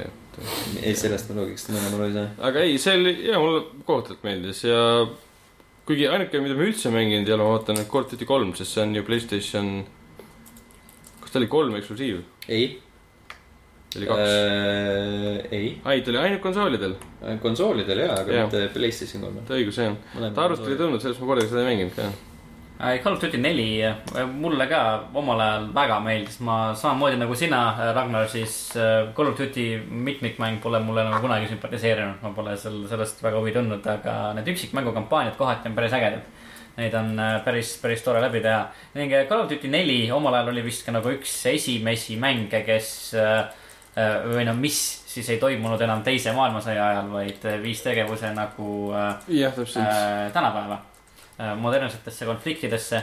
ning ja just, et see, sa jooksed nagu meeskonnaga ringi, sa ei ole üksi, siis äh, selle mängu ma ei, nüüd vist juba enam-vähem nagu legendaarseks saanud see snaipri missioon. kus sa selles äh, snaipri kostüümis ringi, ringi mis oli roomad. totaalselt tobe, sellepärast et äh, päriselus inimesed näeksid sind nii või naa Nagu kui sa room, roomad kuskil Jah. autode all ja. kohe jaa, aga, aga see oli lihtsalt, see ja oli, päriselus Pripjat ei ole hall. Äh, Pripjat on päris roheline ja ilus koht. No selge, okei okay.. aga see oli hea missioon küll jah. aga see oli, see oli jah hea missioon, ta lihtsalt nagu mänguna võib-olla tegi tulistamismängus asju, mida varem nii väga ei olnud tehtud, et ta tegi neid teisiti lihtsalt ja see oli, see oli huvitav, seda oli huvitav mängida. ja sa tegid neid nagu filmilikumalt ka. jah, just, et varasemalt Duty siis, kui see oli veel uudne. siis kui jah, Jah, asjade tegemine oli uudne ja kui lihtsalt vahevideote tegemine veel võttis Kui- kogu hoogu. jutustajal käest kinni võtmine oli lahe tegevus. Praegu on see, et palun lase lahti, ma ei taha sinna nurga taha minna. ma tahan ära minna sinu juurest. just täpselt. ja, ja ei, et ega Modern Warfare neli siis jah, Call of Duty Modern Warfare neli, Call of Call of Duty neli Modern Warfare, jah, vabandust. sest Modern Warfare neli ei ole veel ilmunud. veel, veel pole tulnud jah, aga jõuab. Äh, oli vist äh, jah, oligi viimane Call of Duty, mida ma mängisin enne siis eelmise aasta Call of Duty't, Advanced Warfare. ja noh, ma ei tea, mulle ausalt öeldes Modern Warfare meeldib, meeldib ikka rohkem kui, kui eelmise aasta Call of Duty. et äh, ma mängiks pigem, pigem Modern Warfare'i kui, kui Advanced Warfare'i, ausalt öeldes. aga No, samas no, ma no, räägin ka ainult mm. kampaania üksikmängu äh, muljete põhjal, nii et mis on võib-olla meie suhtes nagu, nagu vale. jah, tõenäoliselt, sest et Call of Duty ikkagi kas sa oled äh, peale neljandat veel mänginud midagi? Modern Warfare kahte, Modern Warfare kolme, World of War'i, Black Ops'i, Black Ops kahte. Ghost'i pole, Advanced Warfare'i olen ka. okei, see on päris hea. ainuke, mida ma üldse mänginud pole, on siis Call of Duty kolm ja Ghosts. aga jällegi ainult kampaania, nii et. mina olen mänginud kõike alates neljandast ja kõike, kõikidel on proovinud ka mitmikmängu. Piisavalt palju. või no tegelikult World of War'il ma proovisin ainult ühe õhtused, aga see teeb sinust siis antud juhul nagu eksperdi ja professionaali. professionaalne Call of Duty mängija. toome sulle sinu väikse sigari ja. ekspertkülaline. ekspert, närid ekspert. grillisangu ja. aga kas sa, kas sina mängid Call of Duty't nagu pigem äh, üksikmängu pärast või nagu mitmikmängu pärast? jah, jah, selge aitäh. mängin, mängin tõesti. nii üht koma teist. nii, ma ütlen selle äh,. Black Ops äh, on kõige parem Call of Duty, sellepärast et see mitmikmäng oli täitsa lahe ja see üksikmängu kampaania oli niivõrd juustune, et oli nii halb, et oli hea. Seepärast minu arust mm. seda saaks öelda ka Advanced Warfare'i kampaania kohta. see oli päris kohutav minu arust. ja Smash Wall oli. ta ei olnud nagu, ta ei olnud nagu nii, nii sihuke okei okay,, samas mul, mul ei ole seda võrdlusmomenti siin, tõsi, seda ta on. Advanced Warfare oli sihuke igav pigem. Sihuke, täpselt oli Jah. igav. täiesti mitte midagi ütlev ja, ja kõik tasemed olid nii piiratud ja mõttetud seal jaa, aga Black Ops oli lihtsalt nagu nii over the top, silly. mm,. ma ei mäleta seda üldse. noh, nad läksid kõik esimene Ah, Sam Worthington, Tell me what the numbers mean. The numbers ja lõpus siis tuli välja, et Resnov on tegelikult ammu surnud ja siis ta ähvardas tegelikult iseennast ja teisi ära tappa. õigus, jah, tuli spo-. spoilers. aa, okei. kes, keda võtib, see on Black Ops. see on Call of Duty. pluss see on mingi kaks tuhat üksteist. ja, ja Resnov ei saa elus olla, sest Resnov oli World of War'is äh, äh, Punaarmees. ja siis Black Ops leiab aset tänapäeval. tõenäosus, et kus see loogika nagu? ei, Black Ops ei leia aset tänapäeval. ta leiab ikka kuuekümnendatel aset. aa, siis ma okei. läks meelde. külma sõja ajal. okei, okei, pluss äh, ta on Black Opsi alguses on ta elus. ja ta, tema on ja Worthington on nagu koos vanglas Venemaal. oota, aga kas siis Black Ops kolm leiab aset tänapäeval või ta leiab aset ka kuskil ilma sõja minevikus? kauges tulevikus ma sest. Black Ops Black Ops kolm nagu, kaks oli ka tulevikus. jaa, jah, ta oli eraldi niimoodi, et oli peale külma sõda ja siis tulevikus kuskil, Mm. lähitulevikus. kus tal, oli selle Masoni poeg oli siis peategelane nendes uutes osades ja ja, ja, ja. ja Mason ise oli nendes vanades jah, flashbacki osades seal peategelane. Aga mis te nagu arvate sellest äh, nagu trendist, et Call of Duty tulistamismängud üldse liiguvad nagu rohkem nagu tulevikku ja muutuvad nagu futuristlikumaks oma relvade ja nagu kõige muus osas. Kas tahaksite kuskil nagu- nagu seda näha või te tahaksite, et asi läheks pigem tagasi näiteks teise maailmasõtta? osa trendist tegelikult, kõik, kõik shooter'id lähevad sinnapoole ei no praegu. seda küll, aga Isegi- äh, isegi- isegi- see, see nagu, kuidas nagu suhtute sellesse, et kas see on nagu Hmm. okei okay või, või mina isiklikult, ma, ma tahaks, et nad, kuidas ma ütlen, uuriks rohkem seda külma sõja aegset aega ja siukest äh, lähikanti. see jäi jäi nagu vahele of ma nõustun just täpselt samas paadis ja, et minu arust see on Mm. nagu huvitav aeg, kus saab rääkida nagu konfliktidest väga ägedaid lugusid. seal on nagu piisavalt nagu see on nagu ruumi. avastamata ka selline. pluss on nagu ägedaid relvi, nagu see mitmikmäng näitas Mm. mm.. lisaks sellele on seda, neid, neid kuradi teise maailmasõja asju niivõrd palju tehtud. ja tuleviku asi on ka juba ära leierdatud liigselt. kasvõi see Advanced Warfare ja Black Ops kaks ja Black Ops kolm, need kõik näevad nagu oma videotega niivõrd sarnased välja, et see. kui on näha, et noh, ideed saavad otsa, et sa võid neid kuradi öelda küll, et relvad on nüüd teistsugused, aga kui sa kaugelt vaatad, siis on ikka sama jama jah, nad teevad ka sama asja põhimõtteliselt nagu mängust mängu. mm. -hmm. Battlefield Hardline võib-olla üritas seda asja nagu natuke teistmoodi teha, tuues sinna mingi pätid versus võmmid asja sisse. Aga keegi ei mänginud seda. keegi ei mänginud seda jah, paraku. nii et. teine asi, mis nad sa- saaksid veel teha, on äh, uurida seda äh, nagu siukseid teisi konflikte, World at War tõi, tõi näiteks äh, Vietnami sõja sisse. Või kuskil mujal nad, ei, nad möödas Jaapanis. ei olnud Vietnam. aga nad võiks, noh, aga nüüd Vietnamis on Jaapanis tegemata, kaardistamata ala, noh. see oli Kiefer Sutherland võitlemas äh, Jaapani saatel jaapanlaste vastu. jaa, okei okay., sorry. mis oli äge, vabandan, töötas. vabandan rassistliku märkuse. ma vaba, vabanda Kiefer Sutherlandi ees. Kiefer- mis kohas see rassistlik praegu oli? vabanda, vabanda Snake'i ees, solvas teda praegu. Snake'i. sest Snake on Kiefer Sutherland. okei, okei, okei. okei. aga mis sa tahtsid öelda, kuhu siis äh, võiks veel minna? siis Vietnami võiks veel minna, sest Battlefield kunagi käis, jah. aga teised mängu Call of Duty pole käinud. miks nad ei lähe sinna, on seepärast, et Ameerikas ei pähe. päris äge oleks teha seeria mänge, kus samas kunagi oli ju Battlefield, kunagi oli ju Battlefield Vietnam Mm. oligi siuke mäng, Mhm. et äh, mängud on sinna läinud küll. jaa, aga see oli ainult äh, mitmikmängu see lisapakett ju. Ja okei, seda küll jah. nii et seal, seal otseselt ei olnud võitjat ega kaotajat on olemas. nojah, seda küll. ma ei Jaa. aga ma arvan, et nagu maailmas leidub neid äh, sinnakanti, selle ajastu kanti konflikte küll ja veelgi, et mitte tulevikku ronida enda asjaga. jah, seda kuidagi väga futuristlikuks muuta. natuke liiga palju jah. see natuke on liiga palju. trendidega kaasa minemine, muu midagi. miks nad seda teevad, sest nemad ei ole selle alustajad või on? Tuleviku Black asjaga. Ops kaks oli vist esimene, mis läks tulevikku Nende jaoks küll jah. või läks Modern Warfare kolm ennem? Modern Warfare kolm oli nagu sihuke, sihuke, kuidas ma ütlen, mööndustega Ei. olevik. see oli pigem see tulevik, et oo, Ameerikat rünnatakse, kuigi teises juba rünnati ka, siis ei loe. jah, aga mis mulle tuli meelde, et Modern Warfare kahe juures, et see, et nad kujutasid ette oleviku Ameerikat, mis on rünnaku all. Ja see nagu äh, kunstlik nägemus sellest, et kui venelased ründavad mingisuguse intsidendi najal, nagu oli see No Russian äh, see missioon, mis nagu sundis Venemaad ründama ja vallutama põhimõtteliselt. oli, mõnes mõttes on seda fiktsiooni väga lahe läbi elada. ma mõtlen just kampaania yeah. mõttes, et, et sa jooksed põhimõtteliselt äh, mm, tunnelites, kaevikutes, mis on Valge Maja juures. Mhm. et sa nagu mängiksid näiteks need Red Dawn'i filmid, mis tehti. algupärane, mitte siis see jura, mis tehti hiljem. Et juba see on lahe, et see külma sõjaline kartus. ah, ei, ei midagi. Patrick Swayze. okei okay,, keegi näeb mu pöidlat, pöidlat. keegi, keegi näeb mu pöidlat. mis toimub? see on kampaania koha pealt väga lahe olnud, aga hiljem Black Ops üks oli veel hea, aga kõik teised ei ole mitte kohad üldse Jaa, nagu. aga üldiselt ja rääkides, millest sa mainisid ka, siis Call of Duty, mis, mis mängus see oli, Modern Warfare, mingi see, see No Russian missioon. see oli kaks. kaks jah, see, kus sa said äh, äh, Sellest siis kehastada terroristi ja minna lennujaama ja seal hakata inimesi maha niitma, see on vist üks kõige vastuolulisemaid asju, mis mängudes on toimunud viimaste aastate jooksul.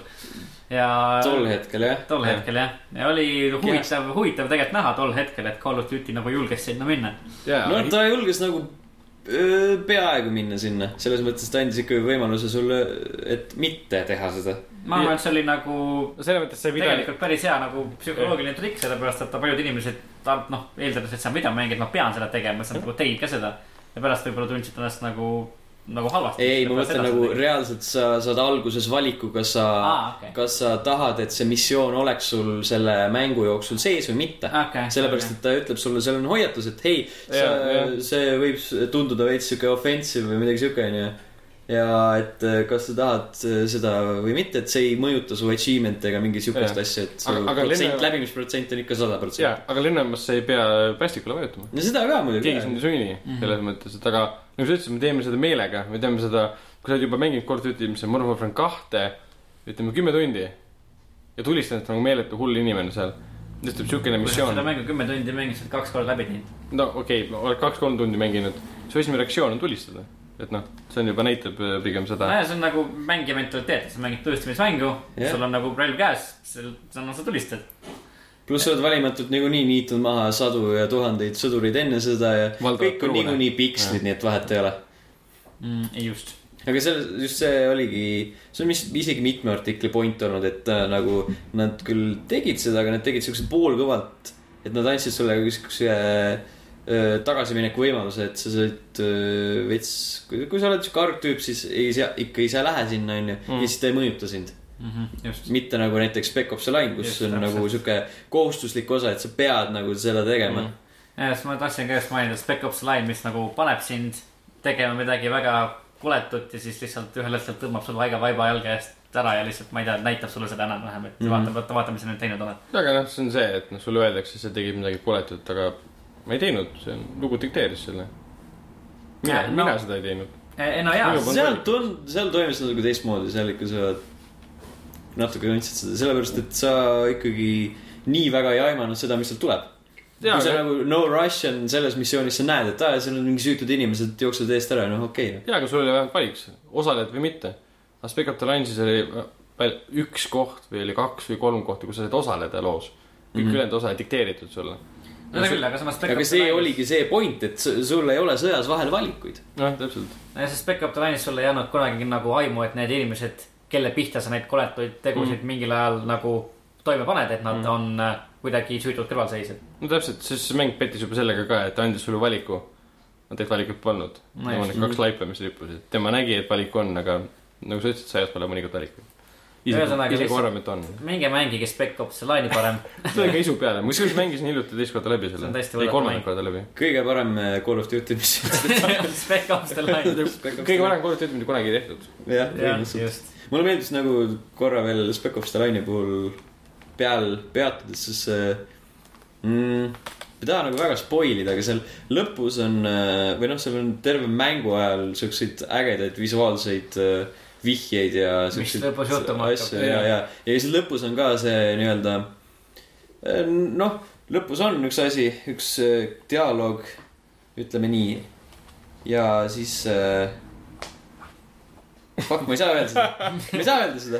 ühesõnaga mängige seda ja siis te saate teada, mis seal lõpus on. just. Olge hästi tähelepanelikud. üldiselt ikka, et kui sa mänge mängid, siis sa saad teada, mis lõpus on, kui sa selle mängu ja, ja, aga, see nagu need visuaalsed elemendid äh, mängivad seal ka rolli veel. jah, et kui te mängite Spec Ops The Line'i, siis pange kindlasti tähele ka visuaalseid elemente. me oleme, nagu te tä- tähele panete, et oleme söövalt Call of Duty maha jätnud ja liikunud edasi Spec Ops The Line'i peale. siis olgem ausad, on palju parem mäng. aga tulles tagasi Call of Duty juurde, me kolmas osa, ma, ma tõenäoliselt mängin seda. Aga mm, pigem siuksest, siuksest rutiinist või et nagu sihuke kohustuse korras. et ma saaks, et ma saaks sellest kirjutada ja mingeid videoid teha. ütleb, et miljonid inimesed, kes kogu aeg tõstavad nende müüginumbreid, et jah, ma rutiinist ostan, rutiinist mm -hmm. ostan. selles mõttes, et ma saan aru, et seal ei ole enam seost mitte midagi tegelikult eelmiste Black Opsidega, mis oli nagu. Treyarchi seni suurim tõmbenumber minu jaoks vähemalt, sellepärast et kõik need nii-öelda mitte nagu läbivalt ei, olnud, aga nad olid ikkagi väga hästi seotud, sellepärast et Reznov oli ju näiteks World at Waris ja siis Black Opsis ja Mason oli Black Opsis Black Ops kahes ja et nad vähemalt mingigi nagu hoida. ja, ja läbivad jooned. ja läbivad tegelased. Mina tõenäoliselt ei, ei mängi Black Ops kolme, kui ma seda just äh, kuskilt väga, väga lihtsate vahenditega kätte ei saa. ehk siis tasuta. ehk siis tasuta siis mitte midagi tehes kätte ei saa. mitte mitte midagi, jah, jah. siis ma seda mängu tõenäoliselt mängin, ma Advanced Warfare'i eelmise aasta Call of Duty soodusmüügi ajal ostsin, sellepärast et ma lihtsalt tol hetkel tahtsin mängida mingit tõestamismängu, mingit äh, tõestamismängu kampaaniat.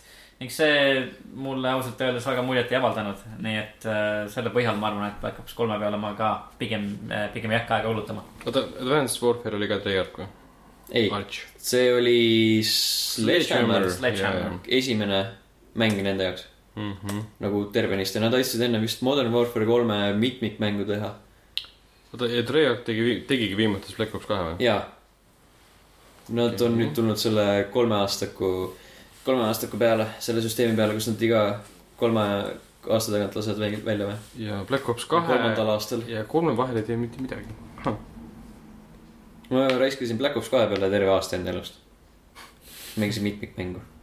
ja see oli kohutav, kohutav tegelikult tagasi vaadates. see rikkus nii palju asju ära. Treyarch portis Ghostsi Wii U peale. noh, why not? see on, sul olemas või? ei, miks? miks mul peaks olema, mille, kuidas sa mängid, seal on ka online siis või? mis asi? Wii U peal. ei, ma mõtlen ka, see on võimatu. mingid. see on pohhu, kas äh, online on Wii U peal võimatu või mitte, see on Ghost, miks ma peaksin seda mängima ükskõik mille peal. eksperimenteeri-, eksperimenteerimise suhtes juba, et Wii U pultidega mängida shooterit. Ja sul on see kuradi Pro controller ka, mis näeb välja nagu Xbox pult. jaa, aga ma ei taha sellega mängida. Need kuradi stickid. vehkida sellega ringi lihtsalt. jaa. nagu see on Wii U, jah, mitte Wii. Ma saan aru. sul on vahe sees, õige, vabandust kõigi ees, kes omavad Wii U-d ja Wii-d. kuigi sa saad nende pultidega mängida ma mõtlengi, et ma tahangi seda, seda aga just proovida. see, see on täiesti pointless. Ah, aga äh, kahjuks ma pean endal, pean üles tunnistama, et ma olen Ghosti nagu kõige enamatel platvormidel mänginud. ma olen proovinud seda PS4 peal, PS3 peal, Xbox kolmesaja kümne peal, Xbox One'i peal ma saan aru, miks sa ja vihjad PC. peal. vist isegi. kui sa mängid ühte asja piisavalt kaua, siis hakkad nägema pimedust iseenda sees. ei, seda ma nägin juba Black Ops kahe ajal. no okei okay. sest noh, Black Ops, näe. jah, jah.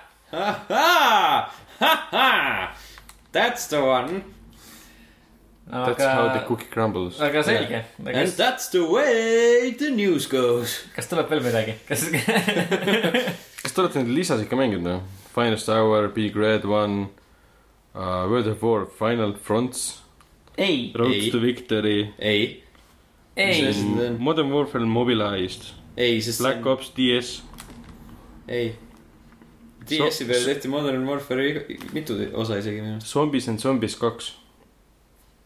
Mis asi see veel on? Zombies and Zombies kaks. see tehti hoopis teise stuudio poolt iOS-ile. okei, aa, Black Ops Declassified, miks nii tuttav on? see on äh, Vita versioon. Delete. aa, aga see Call of Duty Online'ist olete kuulnud või? midagi, jah. ma kunagi jah. see Hiinas lasti vist välja, kui ma ei eksi. no paljud online asjad lastakse Hiinas ainult välja. Ja siis-. Giant Bomb vist mängis seda ja ta rääkis ikka sellest, et see on põhimõtteliselt Black Opside ja kummalisel kombel ka Modern Warfare'ist kokku klopsitud versioon. et ta on always online, aga sa saad mängida kampaaniat sõpradega. ja ta ütles, et üks osa sellest oli Modern Warfare ühe alguses laevas koos sõpradega, ümber ehitatud. Eesti laevas. Jah. Paldiskist, Paldisk, mis Paldiskist tuli? paberitega, paberitega laev oluline laev. mm. -hmm. et see on päris hu- huvitav, et ta vist sai veel sinna sisse väga huvitavalt, et ta pidi endal tegema Hiina IP ja siis veel sada erinevat asja, et üldse saada Hiina serveritesse sisse, sest USA-d kodanikku lastud sisse sinna. mis diskrimineerimine see on? see on päris huvitav teema. kommunistid, neetud. kommunism jälle tõstab pead. jah, isegi mängumaailmas. nii ei saa, nii ei saa. Üks mänguseeria on meil veel, mida me ei ole arutanud. kuhu me veel ei ole jõudnud, jah? me ei ole veel jõudnud sinna. sinna ei ole jõudnud, aga. Assassino või? Assassino Credo. Assassina Credo. Martin, ma arvan, et äh, ma oletan, et sina oled kõige tuttavam selle seeriaga. no võib-olla jah, et mis mina asja olen?? ära nüüd, ära südamesse võta. mis asja? ära nüüd riku teise inimese rõõmu ära. ma ei ole ainult Unity't ja Rogue'i mänginud. ja No- Syndicate'i. no s- juba, juba, juba. ei, mina olen äh, selles seerias mänginud äh, kõiki mänge peale Assassin's Creed Rogue'i. seda ma ei ole üldse, üldse kasutanud, üldse puutunud. kas keegi on siit mänginud Assassin's Assassin's. Creed Rogue'i? ei, Ei ole. oota, ma tahtsin kohe küsida seda ma asja. olen Black Flag'i mänginud, see on sam- sama välja vist. no see on jah, tõenäoliselt peaks sarnane olema, et Rogue ka leiab aset äh, meredel ja laevadel ja sa- sarnaselt nagu, nagu Black Flag'i. teised piirkonnad, kui ma ei eksi. jah, jah, teised, teised piirkonnad ja mingi paar, paar uut linna vist ka äh, sisse, sisse visatud. Pluss seal on vist seos selle Assassin's Creed kolmega. jah, Assassin's Creed kolmega on, on jah päris nagu narratiivi osas, nagu ma olen aru saanud, siis äh, päris aa, seal on see Connori, isa, Connori isa jah. jah. kes oli, kes oli, toimetab kuskil. kes oli templi rüütel või? kes oli templirüütel jah. see oligi see kolmanda alguse twist, kui sa tegid temaga mingi päris mitu missiooni ja siis. tegid temaga selle ülimalt pika tutorial osa ära lihtsalt jah, veidra, igava ja mis sundis mind seda mängu pooleli jätma. aga jah, siis sa jah said aru, et aa, ta on tegelikult templirüütel, vau. see on nii üllatav. Esk. esk, esk. ja, ja, aga minu arust nagu hilisemad Assassin's Creed'i mängud, eriti Syndicate on äh, seda kriitikat selle Assassin's Creed kolme äh, tutorial'i osas nagu suhteliselt kuulda võtnud, sellepärast et äh, viimane Assassin's Creed Syndicate äh,, mis nüüd tuli välja kahekümne kolmandal oktoobril äh,, algab äh, väga-väga tempokalt ja väga kiiresti ning äh, minu arust on üks parimaid nagu algusosi Assassin's Creed'i mängudes. et ei, ei nagu veeda aega mingisuguse suvalise lambi jamaga, Black Flag oli tegelikult samasugune, et laev lendas õhku, tüüp oli saare peal, jooksis ringi jah, Black Flag oli, oli üldiselt, üldiselt küll samasugune jah, aga ma ütleks, et Syndicate'i algus on isegi natuke nagu veel parem ja, ja nagu natuke tempokam. Et äh, õpetab sulle, kuidas seda mängu mängida, aga samas lõbusalt ja, ja, ja midagi toimub ka. nojah, lihtsalt seekord nagu on, mida õpetada. just, on uued asjad, siis vahepeal lihtsalt see, et teil ei ole mitte midagi uut õpetada, mingi viis osa juba ja te ikka teete meile õpetusi. no ja üldiselt, et äh, Assassin's Creed Syndicate'i nagu esimesed tunnid, need tutorial missioonid on põhimõtteliselt lõpetavad ikkagi sulle neid samu asju, mida sa juba varasemalt Assassin's Creed'ist tead. nojah, aga see on ilmselt mõeldud nagu kõikidele. no absoluutselt. Selleks juhuks, et aa, äkki tuleb keegi uus. ja täpselt, täpselt. see on ka nagu üks, üks aspekt, kus äh, Syndicate erineb nüüd eelmise aasta Unitist, et äh, Unity reklaamikampaania osaks oli väga tugevalt see, et jaa, et nagu Unity on väga hea koht, kus nagu uued tulijad võivad nagu peale tulla ja hakata nüüd Assassin's Creed'i seeriasse nagu sisse elama. Mis oli nagu ühest küljest reklaami osas nagu loogiline, sellepärast et see oli nagu esimene mäng uue generatsiooni konsoolil, on ju. tahad saada ostjaid, Syndicate'i puhul pole see nagu absoluutselt teemas. ja nad isegi ei ürita enam sulle seletada, mis seal toimub see lugu lihtsalt hakkab kuskilt pihta, kui sa ei tea, mis toimub, siis ma ei tea, no mine, mine, mine loe Vikipeediast, meid ei huvita absoluutselt. ja mine loe, mine loe lihtsalt, mis mängid siis, mille loe. tuled siia mängima, loe, saad targaks noh. ja, ja lihtsalt ja, et kui sa nagu ei ole Syndicate'i alguseks Assassin's Creed'i seeriaga väga tuttav, siis sa lihtsalt ei tea, mis toimub. ei jaga väga matsu lahti. aga üks küsimus, mida ma unustasin võib-olla meelega enne küsida, et kas Syndicate'is palju seda olevikku üldse on? Äh, see siiamaani, no mina olen hetkel läbi teinud, ma arvan, umbes Syndicate'is poole Mm mm, -hmm. umbes äkki viiskümmend protsenti ja see eksisteerib vahepeal pärast mingisuguseid loo missioone vahevideote näol mm. -hmm. ehk sa vaatad mingi paar minut vahevideot, midagi juhtub, mingid tegelased, kellest sa varem kunagi kuulnud pole, tulevad sisse, lähevad kohe välja.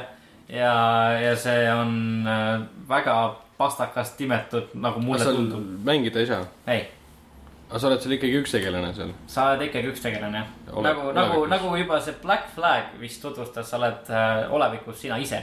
jah, first person vaatas käid ringi. ja, jah, just, aga nüüd sa ei saa ringi käia, nüüd sa saad lihtsalt vahevideot vaadata, kuidas sinu eest ringi käiakse aga kas see üks tegelane läheb ka siis animuse sisse? äh,. ma saan aru küll, jah kas ta töötab- ikka mängukompaniis või? jah. äh,. Abstergo Entertainment on vist jah, see logo tuleb sealt aga tegelikult. see tekitab mida nad küsimuse. Unitis tegid?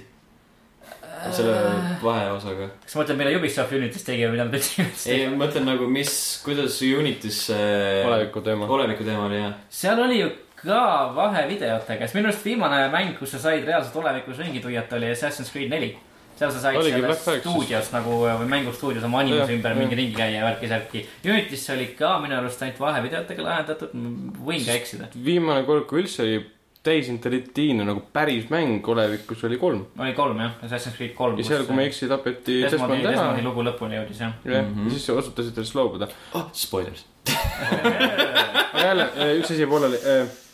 Syndicate'is on kaks peategelast. just, kas see üks olevikus viibiv inimene mängib siis korraga, või noh, kas ta kogeb korraga kahe inimese mineku või? see on hea, Nad on kaksikud. jaa just. et sellepärast ongi, They are linked. kuna nad on kaksikud, ta suudab Pacific näha, just, no, ei, kuna, kuna, kuna ta on kaksikud, siis ta suudab nagu näha mõlema oma esiisa, noh, ema, esivanema. esivanema äh, äh, mineku.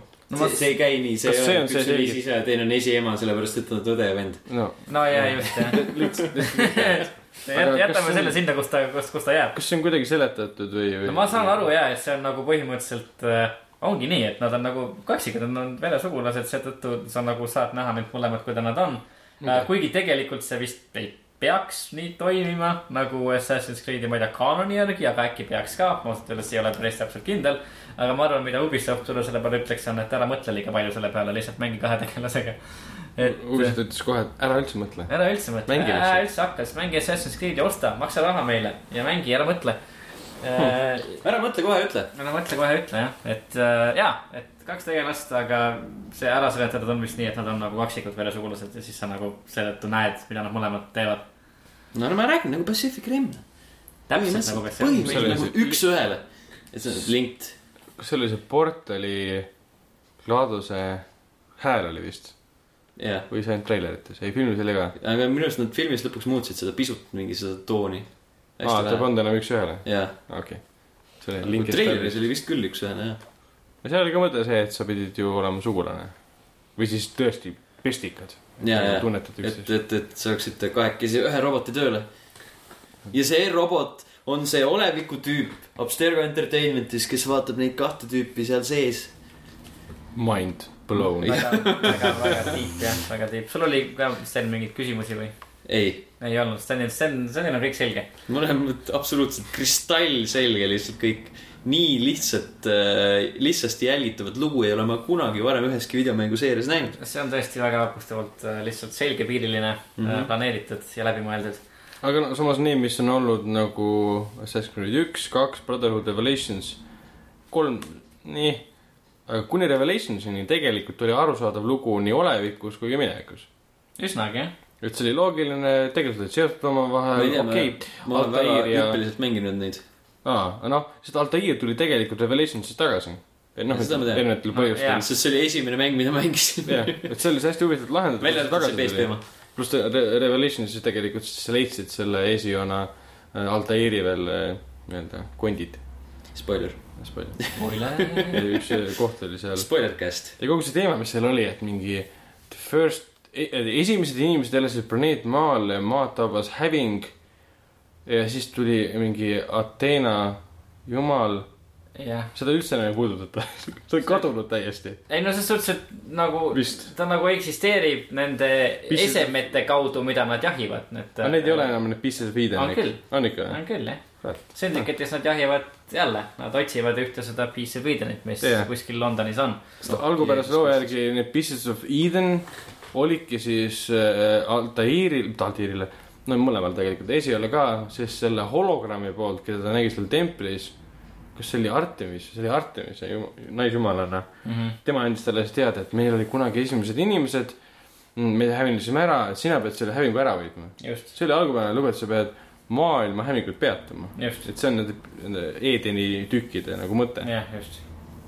Aga me, siis kolmandas tegelikult, mis siis kolmanda lõpus juhtus, ma ei ole lõpuni teinud. minu arust see kolmanda lõpus oli see, et äh, oligi, et nad jõudsid oma Desmond ja tema kamp toredaid kaaslasi jõudsid kuskile koopasse. jah, nagu alati, kogu Ja- aeg, kogu aeg on koopel. just jah, ja siis äh, minu arust see suur oht, mis seda maailma tabas, oli mingisugune, mingi päikesepurse või midagi, mingi räägiti. tulejuga, mis jah. välja tuli.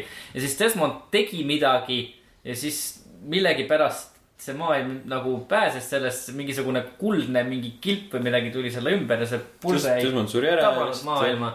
Desmond suri ära, kõik olid kurvad ja, ja siis hiljem Ja- Assassin's ja- Creed neljas sa nagu kuuled, et äh, või sa saad nagu aimu saada, kui sa seal olevikus nagu ringi tuiad seal kontoris mm. ja häkid arvutitesse, et siis need templirüütlid võtsid selle Desmondi keha nagu leidsid ülesse ja viisid selle kuskile oma mingi laboritesse ja ma ei okei tea. väga hea, sest ennetasid mu küsimust, et kas need on kuidagi seotud, need neljas ja kolmas osa. kas nad jätsid selle oleviku asja nagu ko- konkreetseks? ei no selles suhtes, et seal on nagu narratiivsed seosed on äh, päris, päris nagu huvitavaid ja mis mulle tegelikult Assassin's Creed'i seeria puhul pigem meeldib, on see, kuidas nad oma nagu tegelasi, tegelastele elukäigu välja mõtlevad. sest sa nagu suuremat osa sa sellest ei näe, sa nagu kuuled sellest näiteks kas nagu järjes, et mis siis temaga lõpuks juhtus. Mis on tegelikult päris huvitav, kuna tegelased üldiselt on päris nagu omavahel seotud, näiteks Assass- Assassin's Creed Syndicate'is sa saad teada nagu, kuidas lõpuks kujunes äh, Edward Kenway, siis Assassin's Creed nelja peategelase käekäik. See on küll äge. see, see on tõesti huvitav. mis, mis nagu temaga lõpuks juhtus ja see noh, noh jällegi spoilers, mis juhtus, ei olnud nagu üldsegi noh, hea tegelikult, et tal asi läksid asjad päris, päris hullust, sai hullust. surma või? Tripper. tripper. Tollal olid olemas kondoomid. Kasutati seanahka vist või? ei, tollal olid isegi olemas teatud kilestud. Nad oli räpane piraat, ei no jaa, ses suhtes, kasutab teie. Black Sales'is on ka kondoomid kasutusel. ei no jaa, ses suhtes, See leiab aset samal ajal vist.. mida? Black Sales leiab aset samal ajal kui no jah, siis neljaga põhimõtteliselt samal ajal. okei, jah. Black Sail, see sari, millest ma varem rääkisin. aa, okei, okei. vot see Siren Urk, mis tegime, ei mäleta enam. kallis Sten, kas sul juhtus? see oli tund aega tagasi. aa, okei. ei no jaa, aga, aga noh, ja nagu siis öeldi, et siis spoilers, et, et see. Ed, Edward, Edward Kenway jah, et ta põhimõtteliselt kolis Londonisse lõpuks oma tütrega. ja elas seal, oli nagu Ta oli oma tütar? jaa, tal oli tütar, Assassin's Creed nelja lõpus tuleb ta tütar nagu kohale. kus, kus naine sai vahepeal või? äh,. jaa, minu arust küll jah, et ta kui vana on see tütar siis? mingi varajasest teismeeas minu arust. What? nagu noor tüdruk jah, kaua see neljas osa kestis siis? nagu aastaid, väga palju aastaid. aa, see on sarnaselt nagu, sarnaselt nagu Assassin's. Creed kolmega, mis kestab nagu üle kümne aasta kindlasti. okei. no jaa, sest sa oled mingi väike indiaani poiss seal vahepeal. Ja mängid siis- peitust. ja just. noh, ma ei, me ei teinud neljandat kunagi lõpuni. ja siis ta tütar jõuab sinna kohale, see Assassin's Creed nelja nagu lõputiitrid ongi reaalselt see, kus sa nagu sõidad laevaga ja su tütar on seal nagu kõrval ja siis nad see- nagu räägivad midagi omavahel. aga poeg, poegad polnud poega. ja siis lõpuks äh,, neljanda, kas, kas ta ei olnud öö, selle kuradi, aa ei, sorry jaa äh,, Haytham, ei, et Haytham Kenway oli äh, ikkagi äh,. See peaks ikkagi tema poeg olema. ja, ja oli küll jah, tema Jaa, poeg jah. ja siis no lõppude lõpuks ühesõnaga see Edward siis ta, Edward Kenway kolis Londonisse äh,. mingi templirüütel tappis ta ära ja ta tüt-, tütar müüdi Türgi orjapidajatele nagu orjusesse. ehk siis järgmine osa on Türgis. Nice, Türgi- nice. korras. kunagi näidati äh, mingit, see oli mingi Prince of Persia kontseptsioon, kus oli mingi äh, must mees, sihuke ka mingi sihuke Türgi laadne olustik, et see on väga hea, et see tüüp on nagu uus assassin ja läheb, päästab selle tütre ära ja. Mhm. Done, järgmine mäng on valmis, põhimõtteliselt Ubisoft, aitäh. lihtsalt see Türgi ei palun saa,, palun Ubisoft. oota, mis aasta sealt äh, Syndicate, on kaheksasada kuuskümmend üks midagi, üheksasada kuuskümmend neli vist äkki. kuuskümmend neli. tuhat kaheksasada kuuskümmend kuus. mis toimus aastal tuhat kaheksasada kuuskümmend kuus Türgis? see on hea küsimus. inimesed äh,, oli palav tõenäoliselt. inimesed kandsid kaari, kaareid mõõku. oli palav, inimesed sõid kebaabi. lõun, lõunas oli palav. ei lihtsalt, kui nad teevad uue osa, siis nad ei saa ju tuleviku poole minna ja minna Türki. Mis sa seal tuhat. üheksasada kümme seal Türgis teed? no ja pluss Assassin's Creed on tegelikult juba. Sööd kebaabi. kebaabi. kaks, kakskümmend oled rassist ja sööd kebaabi. Press the button to eat kebab. Falafel or kebab. ja lisaks Assassin's Creed on juba Türgis käinud tegelikult. Assassin's Creed Revelations käis, käis Istanbulis. kurat, õig-, vabandust, issand. See oli esimene Assassin's Creed, mida ma läbi mängisin. jaa, ma tegin ka selle täiesti läbi. ja siis ma mängisin kolme läbi. ja nii, et nad on seal juba käinud, nii et nad ei. õigus, see oli. Istanbulis ju. mina ei mäleta ma võtan kogu oma teema ja küsimuse tagasi praegu. mina ei mäleta absoluutselt, kus kohas see oli, ma tean, et ta oli mingi hallis kostüümis ja Da Vinci oli seal ja tegin selle lõpuni, mul see Da Vinci oli ka seal või? Vinci oli minu arust. juba. millegi, millegipärast ujus kohale ka Istanbuli. seda ma mulle absoluutselt see. algne triloog ikka väga meeldis. ma tean, et lõpus oli mingi kuradi hullumeelne chase, kus ta oli mingi õhupalli või mis iganes kuskil jah. taga sõitis ja see oli mingi fucking debiilne. oli küll jah. Mm. ja siis läks sinna kuradi Altairi. Altairi kõdunemiskambrisse ise ka kõdunema. just, jep, ei see Ezio triloogia üldiselt mulle meeldis, nagu see lugu oli tegelikult sümpaatne minu arust, et äh, päris. ta oli jah, harjumuspäraselt sümpaatne nii-öelda klassikaline. ja just, et ta oli siuke klassikaline nagu kangelaslugu enam-vähem, seda, seda aga pigem see, et me saime seda ju nagu nooruse eas, kui tema oli noor, läbi elada. mis oli äge, et jah, sul on mitu. mängu, kus ta on vana, noor, umbes niimoodi. see Jaa, on just. huvitav. just, täpselt ja. siis sa näed veel tema esiisa ka, mis on nagu paralleelselt lood ehitatud sisse sinna mm. -hmm. Revelationsi puhul. mul mäletan seda, et kui Brotherhood välja kuulutati, siis mõtlesin, et aa, seda mängu mängiks küll, sellepärast et sellel tüübil on nüüd habe. jaa, just. aga ei, võib-olla nagu. ta nägi ilma nii nõme välja. millest juba varasemast nagu Desmond. podcast'ist. Desmond näeb niikuinii Desmond. Desmond jah, Desmond tõesti. teda ei päästaks habega. teda ei päästa, isegi habe ei päästaks seda. ja Nolan North peab oma seljakoti maha jätma lihtsalt selle idiootse ühe. jaa, see, mis firma oma see on, aga nad lõp- peavad lõpetama selle reklaamimise, nii. aga ei, mida ma tahtsin öelda, millest juba varasemas podcast'is sai ka tegelikult lühidalt räägitud, on äh,, on võib-olla see, et Syndicate'is siis viimases Assassin's Creed'is need kõrvaltegevused tunduvad nagu kõvasti äh, mõistlikumad ja rohkem seotud selle keskse nagu looga. et nad nagu kuidagi annavad sellele kesksele, kesksele joole juurde ja nad tunduvad äh, loogilised. et sa ei tee lihtsalt mingisugust suvalist kraami kõrvalt, vaid äh,, vaid äh, sa nagu, see kõik nagu, see tundub nagu see loeb, vähemalt see on see luuakse see illusioon, et see, mida sa kõrvalt teed, nagu loeb. mis on, mis on pigem hea asi Äh, Syndicate'is on tagasi ka igasugune, nagu igas Ubisofti mängus põhimõtteliselt igasugune kraam, mida sa pead koguma Mm.. mingid lipukesed, värgid, särgid, see on seal olemas, aga ka see on äh, Syndicate'is natukene mõistlikum. Et kui sa nagu kogud mingisuguseid lendlehti enam-vähem seintelt, siis sa vajutad nuppu, ütleb sulle, et aa, et mingi retrieved, et sa oled selle ära kogunud, sa oled väga tubli. aga sa saad ikkagi minna kuskile menüüsse ja vaadata nagu mingisugust reaalset ajaloolist joonistust, et nagu mida see, kuidas see nagu oli. ja, ja siis äh, mida sa saad. kõlab nagu tüütu. ma ei tea, mulle iseenesest meeldib, et see nagu sinna on reaalselt pandud, pandud sisse uurimustööd. ja sa saad nagu reaalselt näha reaalselt ajaloolisi asju sellest perioodist. kuidas sa seda enda jaoks jaotad, et sa mõtled, mängiks täna Assassin's Creed'i, lähen otsin kõik need üles. no, no ei, noh, selles suhtes, kolm tundi on möödas, siis oled sellega tegelenud. ei noh, selles suhtes, tahaks täna õppida. ei noh, mitte nagu seda, aga selles suhtes, et kui ikkagi ma nagu muu seda tegevuse kõrvalt. mängu ja kui ma muu tegevuse kõrval, kui ma seda mängu mängin ja kui ma nagu tehes näiteks peamissioone, kõrvalmissioone leian midagi, siis äh, minu jaoks ei ole kunagi liiga tülikas minna menüüsse ja neid asju näiteks lugeda, neid asju vaadata. minu arust see on päris huvitav Destiny. äh,. okei, see oli see, et äh, neil on vaata see, neil on need grimoire cards ja need on kuskil äpis aa äpis see on see jah, plott või, arvutis. kuskil kõrval jah. plott on kuskil mujal. plott on kuskil et vaja. seda nad ei saanud mängu sisestada, sest seda keegi, keegi ei vaata. jah, no ja siis seal on jah, need näiteks igasugused illustratsioonid, originaalid, joonistused, mingisugused õllede kohta saad veel inglise õllede kohta wow. ka informatsiooni enam-vähem, mis on. mõtle, kui sa, kui sa oleks nagu teismeline ja siis ema tuleks, ütleb, mida jälle sa mängid, sa ütled, ema, ma õpin, ma õpin ema. ära sega. tekst on ees, mis asja ma õpin, läheb minema, hakkab pussitama kedagi kähku. tekst on ees, inglise õlled. jah, ja siis kahe sekundi pärast pussitab kedagi näkku. aga see on Assassin's Creed. aga minu arust küll nagu üldiselt see ei, see ei puuduta ainult Syndicate'i, vaid nagu Assassin's Creed'i seerias üldiselt siis, et nagu ma, ma ei tea, kui palju inimesi loeb Assassin's Creed'i andmebaasi. isegi kui nagu inimestel, kes nagu on se- selle seeria nagu tulihingeliselt fännid, et nagu. kolmandas ma lugesin. et no ja noh, see oli ka selle tõttu, et ma olin, millal see välja tuli? kaks tuhat kolm, ei, need kaks kaksteist. No oota, oota, oota, oota, oota, kaksteist. ah kurat. ei, oi, see on hoopis see Desmondi aasta. kaksteist jah, kaks tuhat kaksteist ikkagi või? jah. siis, siis see toimus äh, väga tänapäevas, see nende tegevus. sest ma lugesin Vikist, et see oli täpselt veel ilmumiskuupäeval oli Desmond aktsioonis.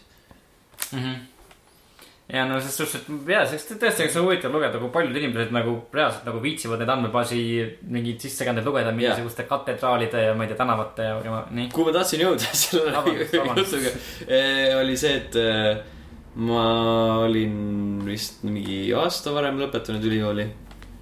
ja siis, kuna nagu see kolmas osa leidis aset äh, Ameerikas, oli ilge äh, sihuke sõda, mis iganes see oli, fucking Ameerika revolutsioon. Jah, jah, ja see nagu haakus natuke minu õpingutega, siis mõtlesin, oh, see on nii äge mm.. ma ostsin nagu põhimõtteliselt selle setting'i pärast jah, ja mäng ise oli, ja see on nagu, ma olen, aga ma lugesin neid tekste ja asju ja see oli päris huvitav. nojaa, täpselt, et nagu, et, et oleks lihtsalt nagu huvitav näha mingi statistikat nagu Ubisofti poolt võib-olla, äkki see on olemas ka, kui palju inimesi reaalselt nagu veedab aega nendes menüüdes loeb, sest minu arust nad on Seitse. nagu. kas nad saavad jälgida seda? ma ei, ma ei oska ausalt öeldes öelda. Nad läbi Uplay ikka saavad. tõenäoliselt jah. Mis äh, oleks nagu, need on hästi kirjutatud, on informatiivsed ja nad on nagu ägedad. sa saad nagu reaalselt õppida selle asjaga, asja kaudu ka nagu midagi. läbi Kinecti. läbi Kinecti. Uplay või? kusjuures jaa, teises äh, Brotherhoodis äh, ma lugesin ikka ja vaatasin päris palju, mis nad sinna sisse panid. sest seda, mis see oli, Florence. Firenze Firenze oli, kas vi-, kas nad veel käisid? käisid mis, mis linn see esimeses oli, see oli Süüria linn või? Damaskus, Damaskuses olid, aga mis see mingi Massjev? Pärnu. Pärnu. või noh, Massjev. ja siukse linna kohta nagu Massjev sa ei tea Süürias mitte Jah, midagi tegelikult. sulle ei õpetata ajalootunnis sellest ka. või mida sulle Süüria ajaloost üldse õpetatakse, näiteks Barahituulilist kohta. Need, kõik need mälestised, mis praegu ISIS on ära hävitanud, on kõik. Eks see nagu oleneb sellest nagu, mis, mis sind ennast huvitab, kas sind huvitab see, et mida, millest sa ei tea mitte midagi või näiteks minu puhul on see, millest sa Mm. natukene tead, aga sa saad rohkem infot. vähemalt sul on see võimalus, et siukse Jah., et sul on mängus võimalik lugeda nagu faktilisi ajaloolisi. On okei, kui jah. palju saab ajalugu faktiline olla, aga väga tore. mis ennast, mis minu arust on nagu Assassin's Creed'i selle puhul nagu väga-väga suur pluss. Täpselt, sellepärast, et nad teevad tõesti nagu, kui sa neid andmebaasil loed, sinna on läinud sisse nagu arvestatav hulk tööd, mida on Mm. selle peale kulutanud. ja see saab vist nagu Ubisofti peale laiemalt ka panna, sellepärast et näiteks seal Va- Valiant Heartsis mina lugesin neid kõike vist, mis seal vähem leida oli, sest noh Mm., esimene maailmasõda oli juba siuke huvitav ajastu, nii et ja seda infot, mida ma sain, mida, seda ma ei teadnud enne. ja ma pole eales teada saanud, et kui kasutati gaasi, uriini ja gaasimaskide. täpselt Jah. mürka, siis kui kasutati, siis urineeriti sinna peale ja kasutati neid kaltse. See on, miskipärast on see esimene fakt, mis kõigil meil meelde tuli. täpselt ja selle peale tuli veel Kanada sõdurik, kui ma ei eksi. vot nii mis oli veel lahedam, et nagu blame Canada, okei okay.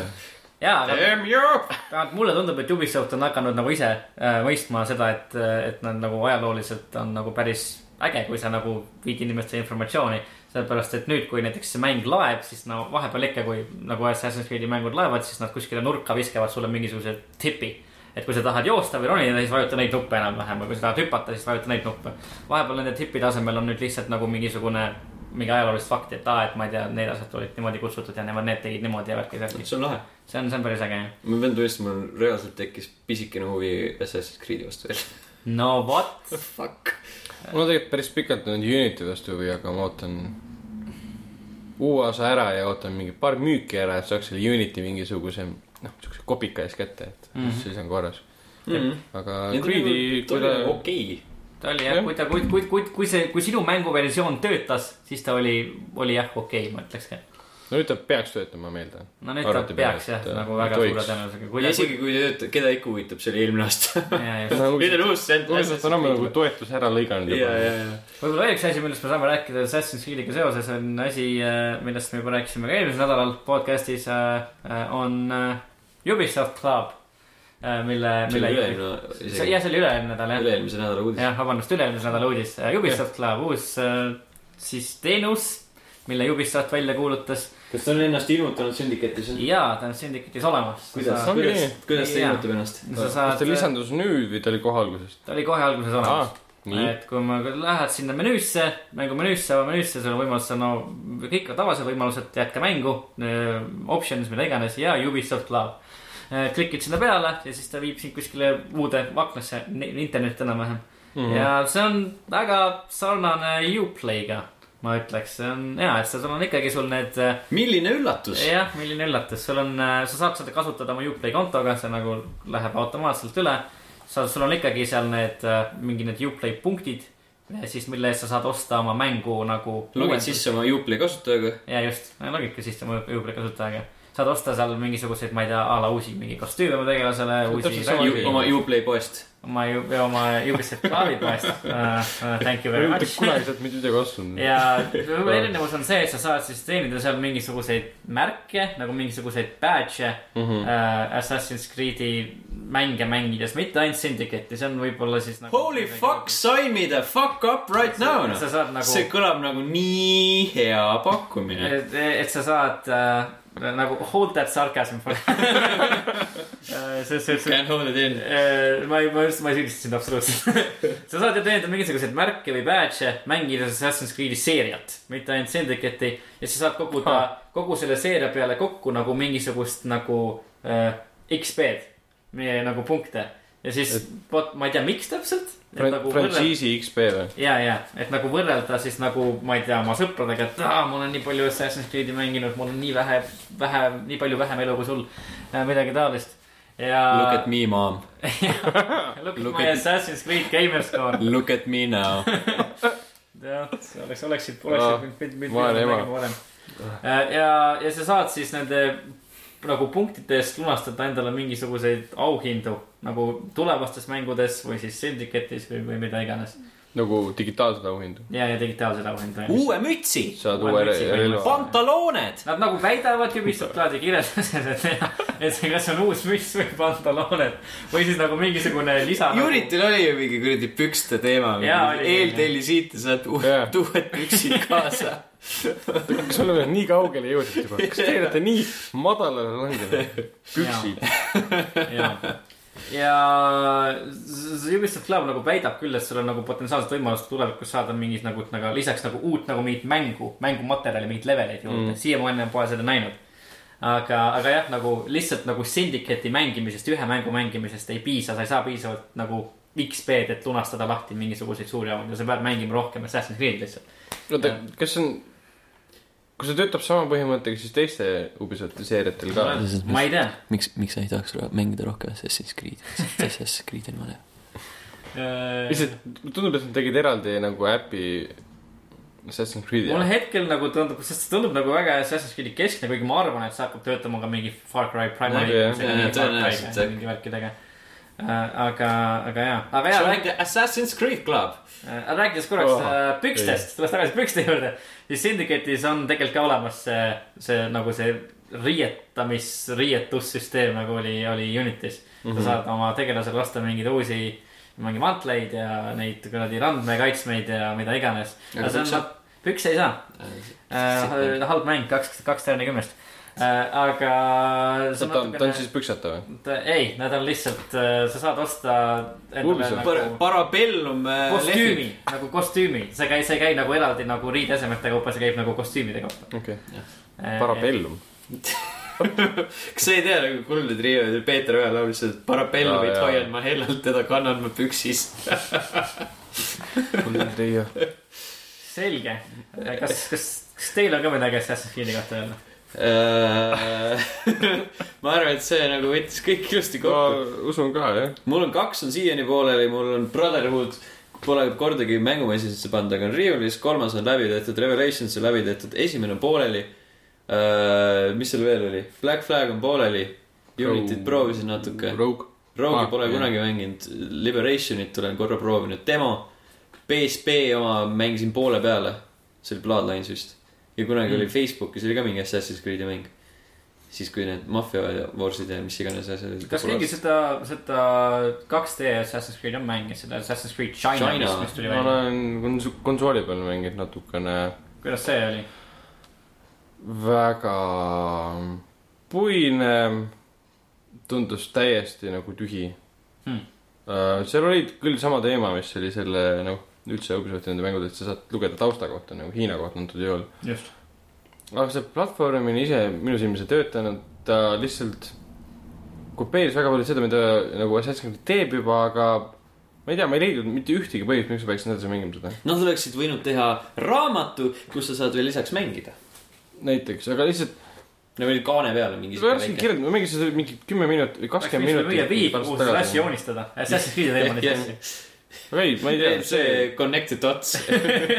siis sellest pidi ju India tulema ja Venemaa, ja, mis nendest saanud on? millest neid tuleb veel, ma, ma, samas jaa, ma pole neist ka nagu pärast Chinat pole mitte midagi kuulnud neist enam. millest? et need pärast Assassin's Creed Chinat meil pidi tulema veel nagu Jaa. sarnaseid nagu side-scrollereid. sest ta on ju, see on nagu alaseeria, et Assassin's Creed sest Chronicles. nii hea. no minu arust, ma ei, ma ei ole kindel, aga minu arust ta ei müünud väga halvasti ka selles suhtes. ei, sai suht häid arvustusi, aga ma ei tea, minul ta ei istunud. Et ma ei tea, mille pärast, olles mänginud teisi platvormikat samal ajal, et sest see lihtsalt oli, selles mõttes ta oli tehtud umbes niimoodi, et teeme nüüd ära. Mhm. ja need disainielemendid tundusid ka kuivad ja siuksed hallid, et äh, lihtsalt on pandud äh, asset'id kokku lihtsalt mm, -hmm. mis on vahendid kokku topitud, teeme platvormika, et et ma ei tea, miks siuke mulje jäi, et aga jäi selline nagu prototüüp oleks olnud, mitte nagu täismäng. selge, et äh, ma peaks võib- võib-olla korralikult läbi tegema siis. Võib-olla küll jah. ma arvan, et siis, kui India ja reaalselt see Venemaal üldse tulevad, praegu on vaikust äkki ka, et võib-olla ei tulegi mitte kunagi. võib-olla, me võime ainult loota, kõik tahavad loota, miks et nad seda ei tule ei, see oli niisama. see oli siuke odav, odav äh, nali. lihtne hoop Assassin's Creed'i suunas. sest see oli võimalik. aga kuidas lõpetaks, et äh, võtaks äkki kokku selle, et mis on olnud Assassin's Creed'i nagu kõige suuremad uuendused? üks ise oli põhimõtteliselt uuendus avatud maailmaga. sest tegelikult ta ei olnud avatud maailm, kuna seal olid laadimiskohad, kui ma ei eksi, kui sa liikusid Jeruusalemmast äh, teatud piirkondadesse, aga ta oli üks oma mul on siuke tunne, et võtame nüüd asja kokku ja siis on veel kakskümmend minutit ei, ei, podcast'i. ei, lihtsalt noh, mis kaks tegi, kaks põhimõtteliselt parandas kõike seda, mida üks äh, oli, tegi halvasti. no see liikumine oli kiirem, sujuvam, sest jah. jah, sest see, mis kostüüm oli siuke flamboyant rohkem. Flamboyant. minu arust ta muutus ju keskkonna avatumaks, et sa ei pidanud mingi kuskil laadimishetki ootama. siis ma mäletan, et ühes oli ju need nähtamatud mingisugused liikuvad seinad, et sa ei saanud sealt läbi minna. olid küll jah. Brotherhood, sa said meeskonna endale teha, saata metsas, mitte metsas, mööda maailma laiali. mehed, need puud on vaja täna maha võtta. said, metsavennad endale kutsuda kokku mis Brotherhood veel tegi ah,? hobusega sai linnas sõita. jah, tõsi. esimest korda jaa, esimest Aa. korda. ja, ja. Vapsi, see ja üks asi oli veel, kas see oli see majandamise teema tuli ka sealt sisse? ja minu arust küll jah, Brotherhoodis sa said hakata mingi panku ja värki ostma Jah, ja midagi issand jumal. ja Revelationsi põhiline asi oli vist pommid. Revelationsi põhiline asi oli pommid ja neil oli see. Tower defense mida nad mida nad müüsid kui hookblade. Sa said seal ka sõita mingisuguse oh, konksuga jaa. köisi alla, sa saad, mitte, mitte nagu Syndicate'is sa ei saanud seda konksu välja tulistada ise, vaid sa said selle lihtsalt nagu alla nagu sõita sellega. oli lihtsalt siuke asi siis. see konks unustati ära, kuna see see ka- kadus oli kohe ära tüügi. pärast järgmisest mängust, see oli täiesti mõttetu lihtsalt. Black Flag, laevad. kolm jäi vahele sul. aa vahe. kolm. sest minu arust kolm oli, kuigi tegelikult oli. puud jah, see jah,, see mulle täiega meeldis, see oli nii lahe. see oli küll lahe jah. aga siis, kui puud otsa said, siis enam ei olnud lahe. Kolm saab tegelikult päris palju nagu kriitikat ja õigustatult ka, kuigi minu arust tehniliselt Assassin's Creed'i jaoks oli kolm nagu väga oluline mäng. sellepärast, et see liikumine esiteks paranes, enam kui sa jooksid nagu ütleme, kui sa jooksid mööda tänavat ja sa jooksid diagonaalselt vastu seina. erinevalt nagu Ezio triloogiast, sa ei jäänud seisma lihtsalt, sest Mm. karakter tõukas ennast seinast eemale. Jaa, nagu läks see- edasi, see jäi mulle alati närvidele. mis oli nagu väike asi võib-olla tundub, aga väga suur uuendus, kui sa Assassin's Creed'i mängid tegelikult. pluss nad tegid muidugi esimest korda siis kohavaliku suhtes ka julgema sammu. selles mõttes sul oli selline piirkond, kus lihtsalt lumi. see oli esimene kord, kui lumi oli ja keskkond on, ei ole ainult kuiv. selles mõttes, et okei okay,, Assassin's Creed'is pole varem vist isegi vihma sattunud. vist enne- kolmandat. enne kolmandat vist mitte, jah et juba keskkonna suhtes muudeti seda päris palju, et ma mäletan, et mäng algab sellega, et kõik on ju udu täis ja umbes nii, Jaa, et just, siis keskkonnas ringi liikuda, et see oli päris äge. see oli küll päris äge jah. aga just minu mulle meeldis arust ajastu. ajastu oli äge ja just see liikumise osas minu arust need uuendused olid nagu hiljem, vaid kõige ja parem. visuaalselt nägi Connor lahe välja. lihtsalt tegelasena oli ta räme jobu. ta oli. kõik, kõige nõrgemaid tegelasi kogu selles seerias minu arust see oli see Killscreeni artiklist ju välja päris huvitav ta ise, et äh, ta algupärane nimi oli see mingi hääldamatu No, sõna, eks, täpselt. ja siis ta võttis endale Connori nimeks, jah, kuigi ameeriklased tapsid tema vanemad Ja ja nagu- hõimu maha. ja nagu valutaja nime nagu siukse. täpselt, ta oli sellega okei okay. ja siis ta aitas ameeriklasi. ta oli pussi. selge, paika pandud. Rogue ei teinud mitte midagi. ennem seda oli meil Black Flag veel. ma mainisin korra, laevad. no laevad laevad jah, olid kolmandas juba. laevad olid tegelikult juba kolmandas. neljas oligi see, et. Kolmandased laevad. jaa Jaa,, need olid kõrvalmissioonides ja, ja siis neljas oligi see, et oh, kõik inimesed rääkisid, kui lahedad need kolmanda kõrvalmissioonid olid. Whole fucking game. jah, just. et äh, Kas laevad olid tegelikult kolmandas. töötas küll jah. sest neljandas laevad olid kõige paremad asjad no üldse. kui me räägime sellest, mida nagu neli tõi nagu juurde Assassin's Creed'is seeriasse nagu üldiselt äh,, mis nagu jääb sinna, siis nagu väga tegelikult mitte midagi. see liikumine, oli ikkagi ju nagu sama, kõik need nagu põhielemendid jäid nagu ikka samaks, et laevad olid nagu selline one trick pony. ja see triviaalne tegevus kõrvalmissioonid olid sama mõttetud ja No nagu ennem olid selles. laevad oli one trick pony, seega neid oli kolmes mängus. seega need oli kolmes mängus. ja tegelikult sa saad neid laevu ju veel kasutada, sest ega need laevad ei kadunud kuskilt ära nagu, selles mõttes, et tuhat kaheksasada kaheksakümmend, tuhat kaheksasada kuuskümmend kuus kasutati ka laevu. no ja seda küll. siiamaani kasutatakse. tänapäevani kasutatakse laevu laeva ühesõnaga, nad võiksid Äh, tänapäevas ka seda laevaosa kasutada, kui nad tahaksid. ideeliselt võiks jah, aga ei tee seda, sest noh. aga laevad olid lahedad neljandas, see, kuidas need tüübid laulsid seal ja ja, ja, kuidas said üles korjata tüüpe ja. lõi siukse õhkkonna, mis nagu töötas et kui nagu vaatad, kuidas mingi vaal paneb ringi kuskil eemal, siis mõtled, et mm, peaks ära tapma selle.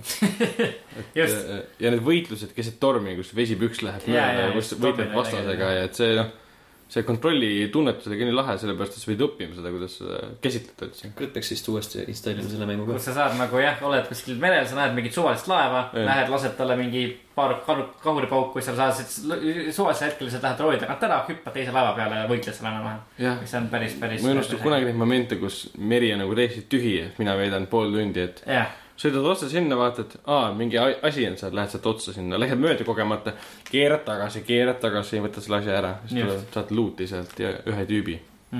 Yes, worth it. nii, aga Unity. jah, mina ei oska eriti kaasa rääkida. Unity oli, Unity oli, näoanimatsioonid näoanimatsioonid legendaarne. minu arust Unity oli äh,, see uh, realistic kissing movement. jah, muidugi, aa jaa, jumala eest. Unity oli minu arust uuenduste põhjal enam-vähem sama oluline kui Assassin's Creed kolm tegelikult. sellepärast, et äh, allapoole parkuurimine Mm. oli nagu asi, mida Assassin's Creed väga tungivalt vajas väga kaua aega. kolm oli see ka, mis tegi nagu asju lihtsamaks, minu meelest see kontrollsüsteem oli enne mingi ilge. tead, kolm Sihuke- tegeles loogilisemaks. vajuta siia, vajuta sinna, hoia seda all, et sa saaksid seda teha ja siis kolme, kolm võttis nagu neid nuppe vähemaks mingi Mm. jõhkralt. Ja just, et äh, Unity seas allapoole parkuurimine, no okei okay,, ta alati võib-olla ei töötanud nii nagu pidi töötama, aga nagu mehaaniliselt oli väga, väga hea lisandus. ja üldse see liikumine jällegi minu arust läks nagu kuidagi sujuvamaks ja mugavamaks. kuigi äh, ja minu arust Unity oli esimene kord, kui sa said nagu minna nagu reaalselt nagu stealth mode'i. ja nagu kuidagi maha kükitada ja seda nagu vähem näha ja said nagu seina vastu liibuda, mis üldse ei töötanud. see peaks olema stealth game või? jaa, seda nagu oli kogu aeg tegelikult põõsastesse peitumine. ja, ja seda küll, aga see oli varasemates mängudes ainult nagu kindlates kohtades vaata. täpselt, et ei olnud päris see, et äh, nagu nupule vajutamine, ta oli põhimõtteliselt ehitatud ju noh, uus Tomb Raider tehti sama loogika alusel, Mhm, et tegelane käitub vastavalt situatsioonile, kus ta on, mitte nii, et sa vajutad nupule ja ta teeb seda. selge. Ja siis Syndicate on enam-vähem äh, Grappling hook ja kaarikud. kaarikud äh, nagu liiklusvahendid, sul on see jaolt see rope launcher, millega sa saad ringi sõita. ta jällegi natuke parandab võitlusmehaanikat ja, ja süsteemi, aga üldiselt äh, nagu midagi väga uut sisse, sisse ei too. Syndicate'is on ka muidu see, et sa saad äh, lihtsalt vajutada nuppu ja minna oma stealth mode'i. aga nüüd sa saad oma seinu kallistada ainult teatud kindlates kohtades ja see on nagu natukene, natukene mugavamaks tehtud. Kas okei, puid saab ka kallistada? puid ja suuremaid puid, aga väiksemad. väiksemaid ei saa mis sul kallistada. väiksemate puude vastu on? ma ka ei saa aru. kas Syndicate üldse saab nagu enam puude otsa üldse hüpata ja või? saab küll, on, Sul on terve puid või?? Londonis on, on paar puud jah, kaks tükki. seitse, seitse, seitse puud kogu Londoni peale. just. aga väga suured puud. kas Unitis oli puid või? ei olnud äh,, oli küll vist. Käärilinnades kuskil minu arust oli küll mingeid puid, ma ei tea, No kas okei, said ma- otsa kus vist. seal on pargid ka ju? mis äärelinna ei jõudnudki. jaa, on küll jah Jah.. aga jah, mis nad teevad seal parkides, käivad kuradi konnajalgasid söömas ja veini joomas. jaa, prantslased. siiamaani ju. Keegi sööb praegu parasjagu, hetkel, sel hetkel lihtsalt räpased prantslased söövad praegu sellel hetkel spagetti ja konnajalgu peal. spagetti. spagetti, spagetti. aga kus see spagetti on? võib-olla ka spagetti, võib-olla ka spagettist oh no. aga selge saab vist joone alla tõmmata, kõik kõik võtab- kolm seeriat on ennast ammendanud. jah, kerge siukse, see ei ole vist rassism, aga lihtsalt prantsuse viha pealt saab võtta, kindlasti on. keegi. me oleme siiski, me oleme siiski eestlased ja me oleme siiski see on eestlased. meie geenidesse kirjutatud. stereotüüpidele nalja tegema lihtsalt, harjunud sellega. just, Äh, võtame kiirelt kokku, Ragnar, kolm uut mängu, Assassin's Creed Syndicate, Need for Speed, Black Ops kolm, millist mängid, mida mitte? Assassin's Creed'i vist, aga ei, ütleme nii, Assassin's Creed'i kindlasti. Black Ops kolme vist, Need for Speed'i ei. okei, Martin, ma tean, mida sa mängid jah, mina juba olen peaaegu pooled läbi mänginud Assassin's Creed'i, nii et seda mängin. Black Opsi jah, siis kui võimalus avaneb seda saada kuskilt äh, vähese töö eest, ehk siis tasuta, nagu me paika panime. ja Need for Speedi äh, tõenäoliselt mitte. mul on siis äh, kõige tõenäolisem on Black Ops. Ja siis on Assassin's Creed võib-olla ja Need for Speed, keegi ei mängi. kui Sorry, tuleb, ei, tuleb kuskilt pühast vaimust, kui siis. tuleb, et, et, et, et äh, kui hästi maksate EA, siis äh, podcast.level1.ee, sinna võite jätta enda kontaktandmed ja me võtame teiega ühendust. ja, et äh, kui te lootsite kuulda level ühe vaenlasel palju, palju äh, Need for Speedist, siis äh, noh, kahju. põhjus on teada. jah, aga sellise mõttega lõpetamegi tänase podcast'i kohtumise, kohtumiseni. kohtumiseni. kohtu, kohtume järgmisel korral. ma tahtsin mõle, üle, mõle ja ma ei saa enam rääkida isegi. ma tahtsin öelda mõlemad korraga, et kohtumiseni ja kohtume järgmisel korral ja siis tuligi siuke kohtumiseni järgmisel, järgmisena. jah, Piku kakk on. okei, tšau. okei, Tšau. tšau.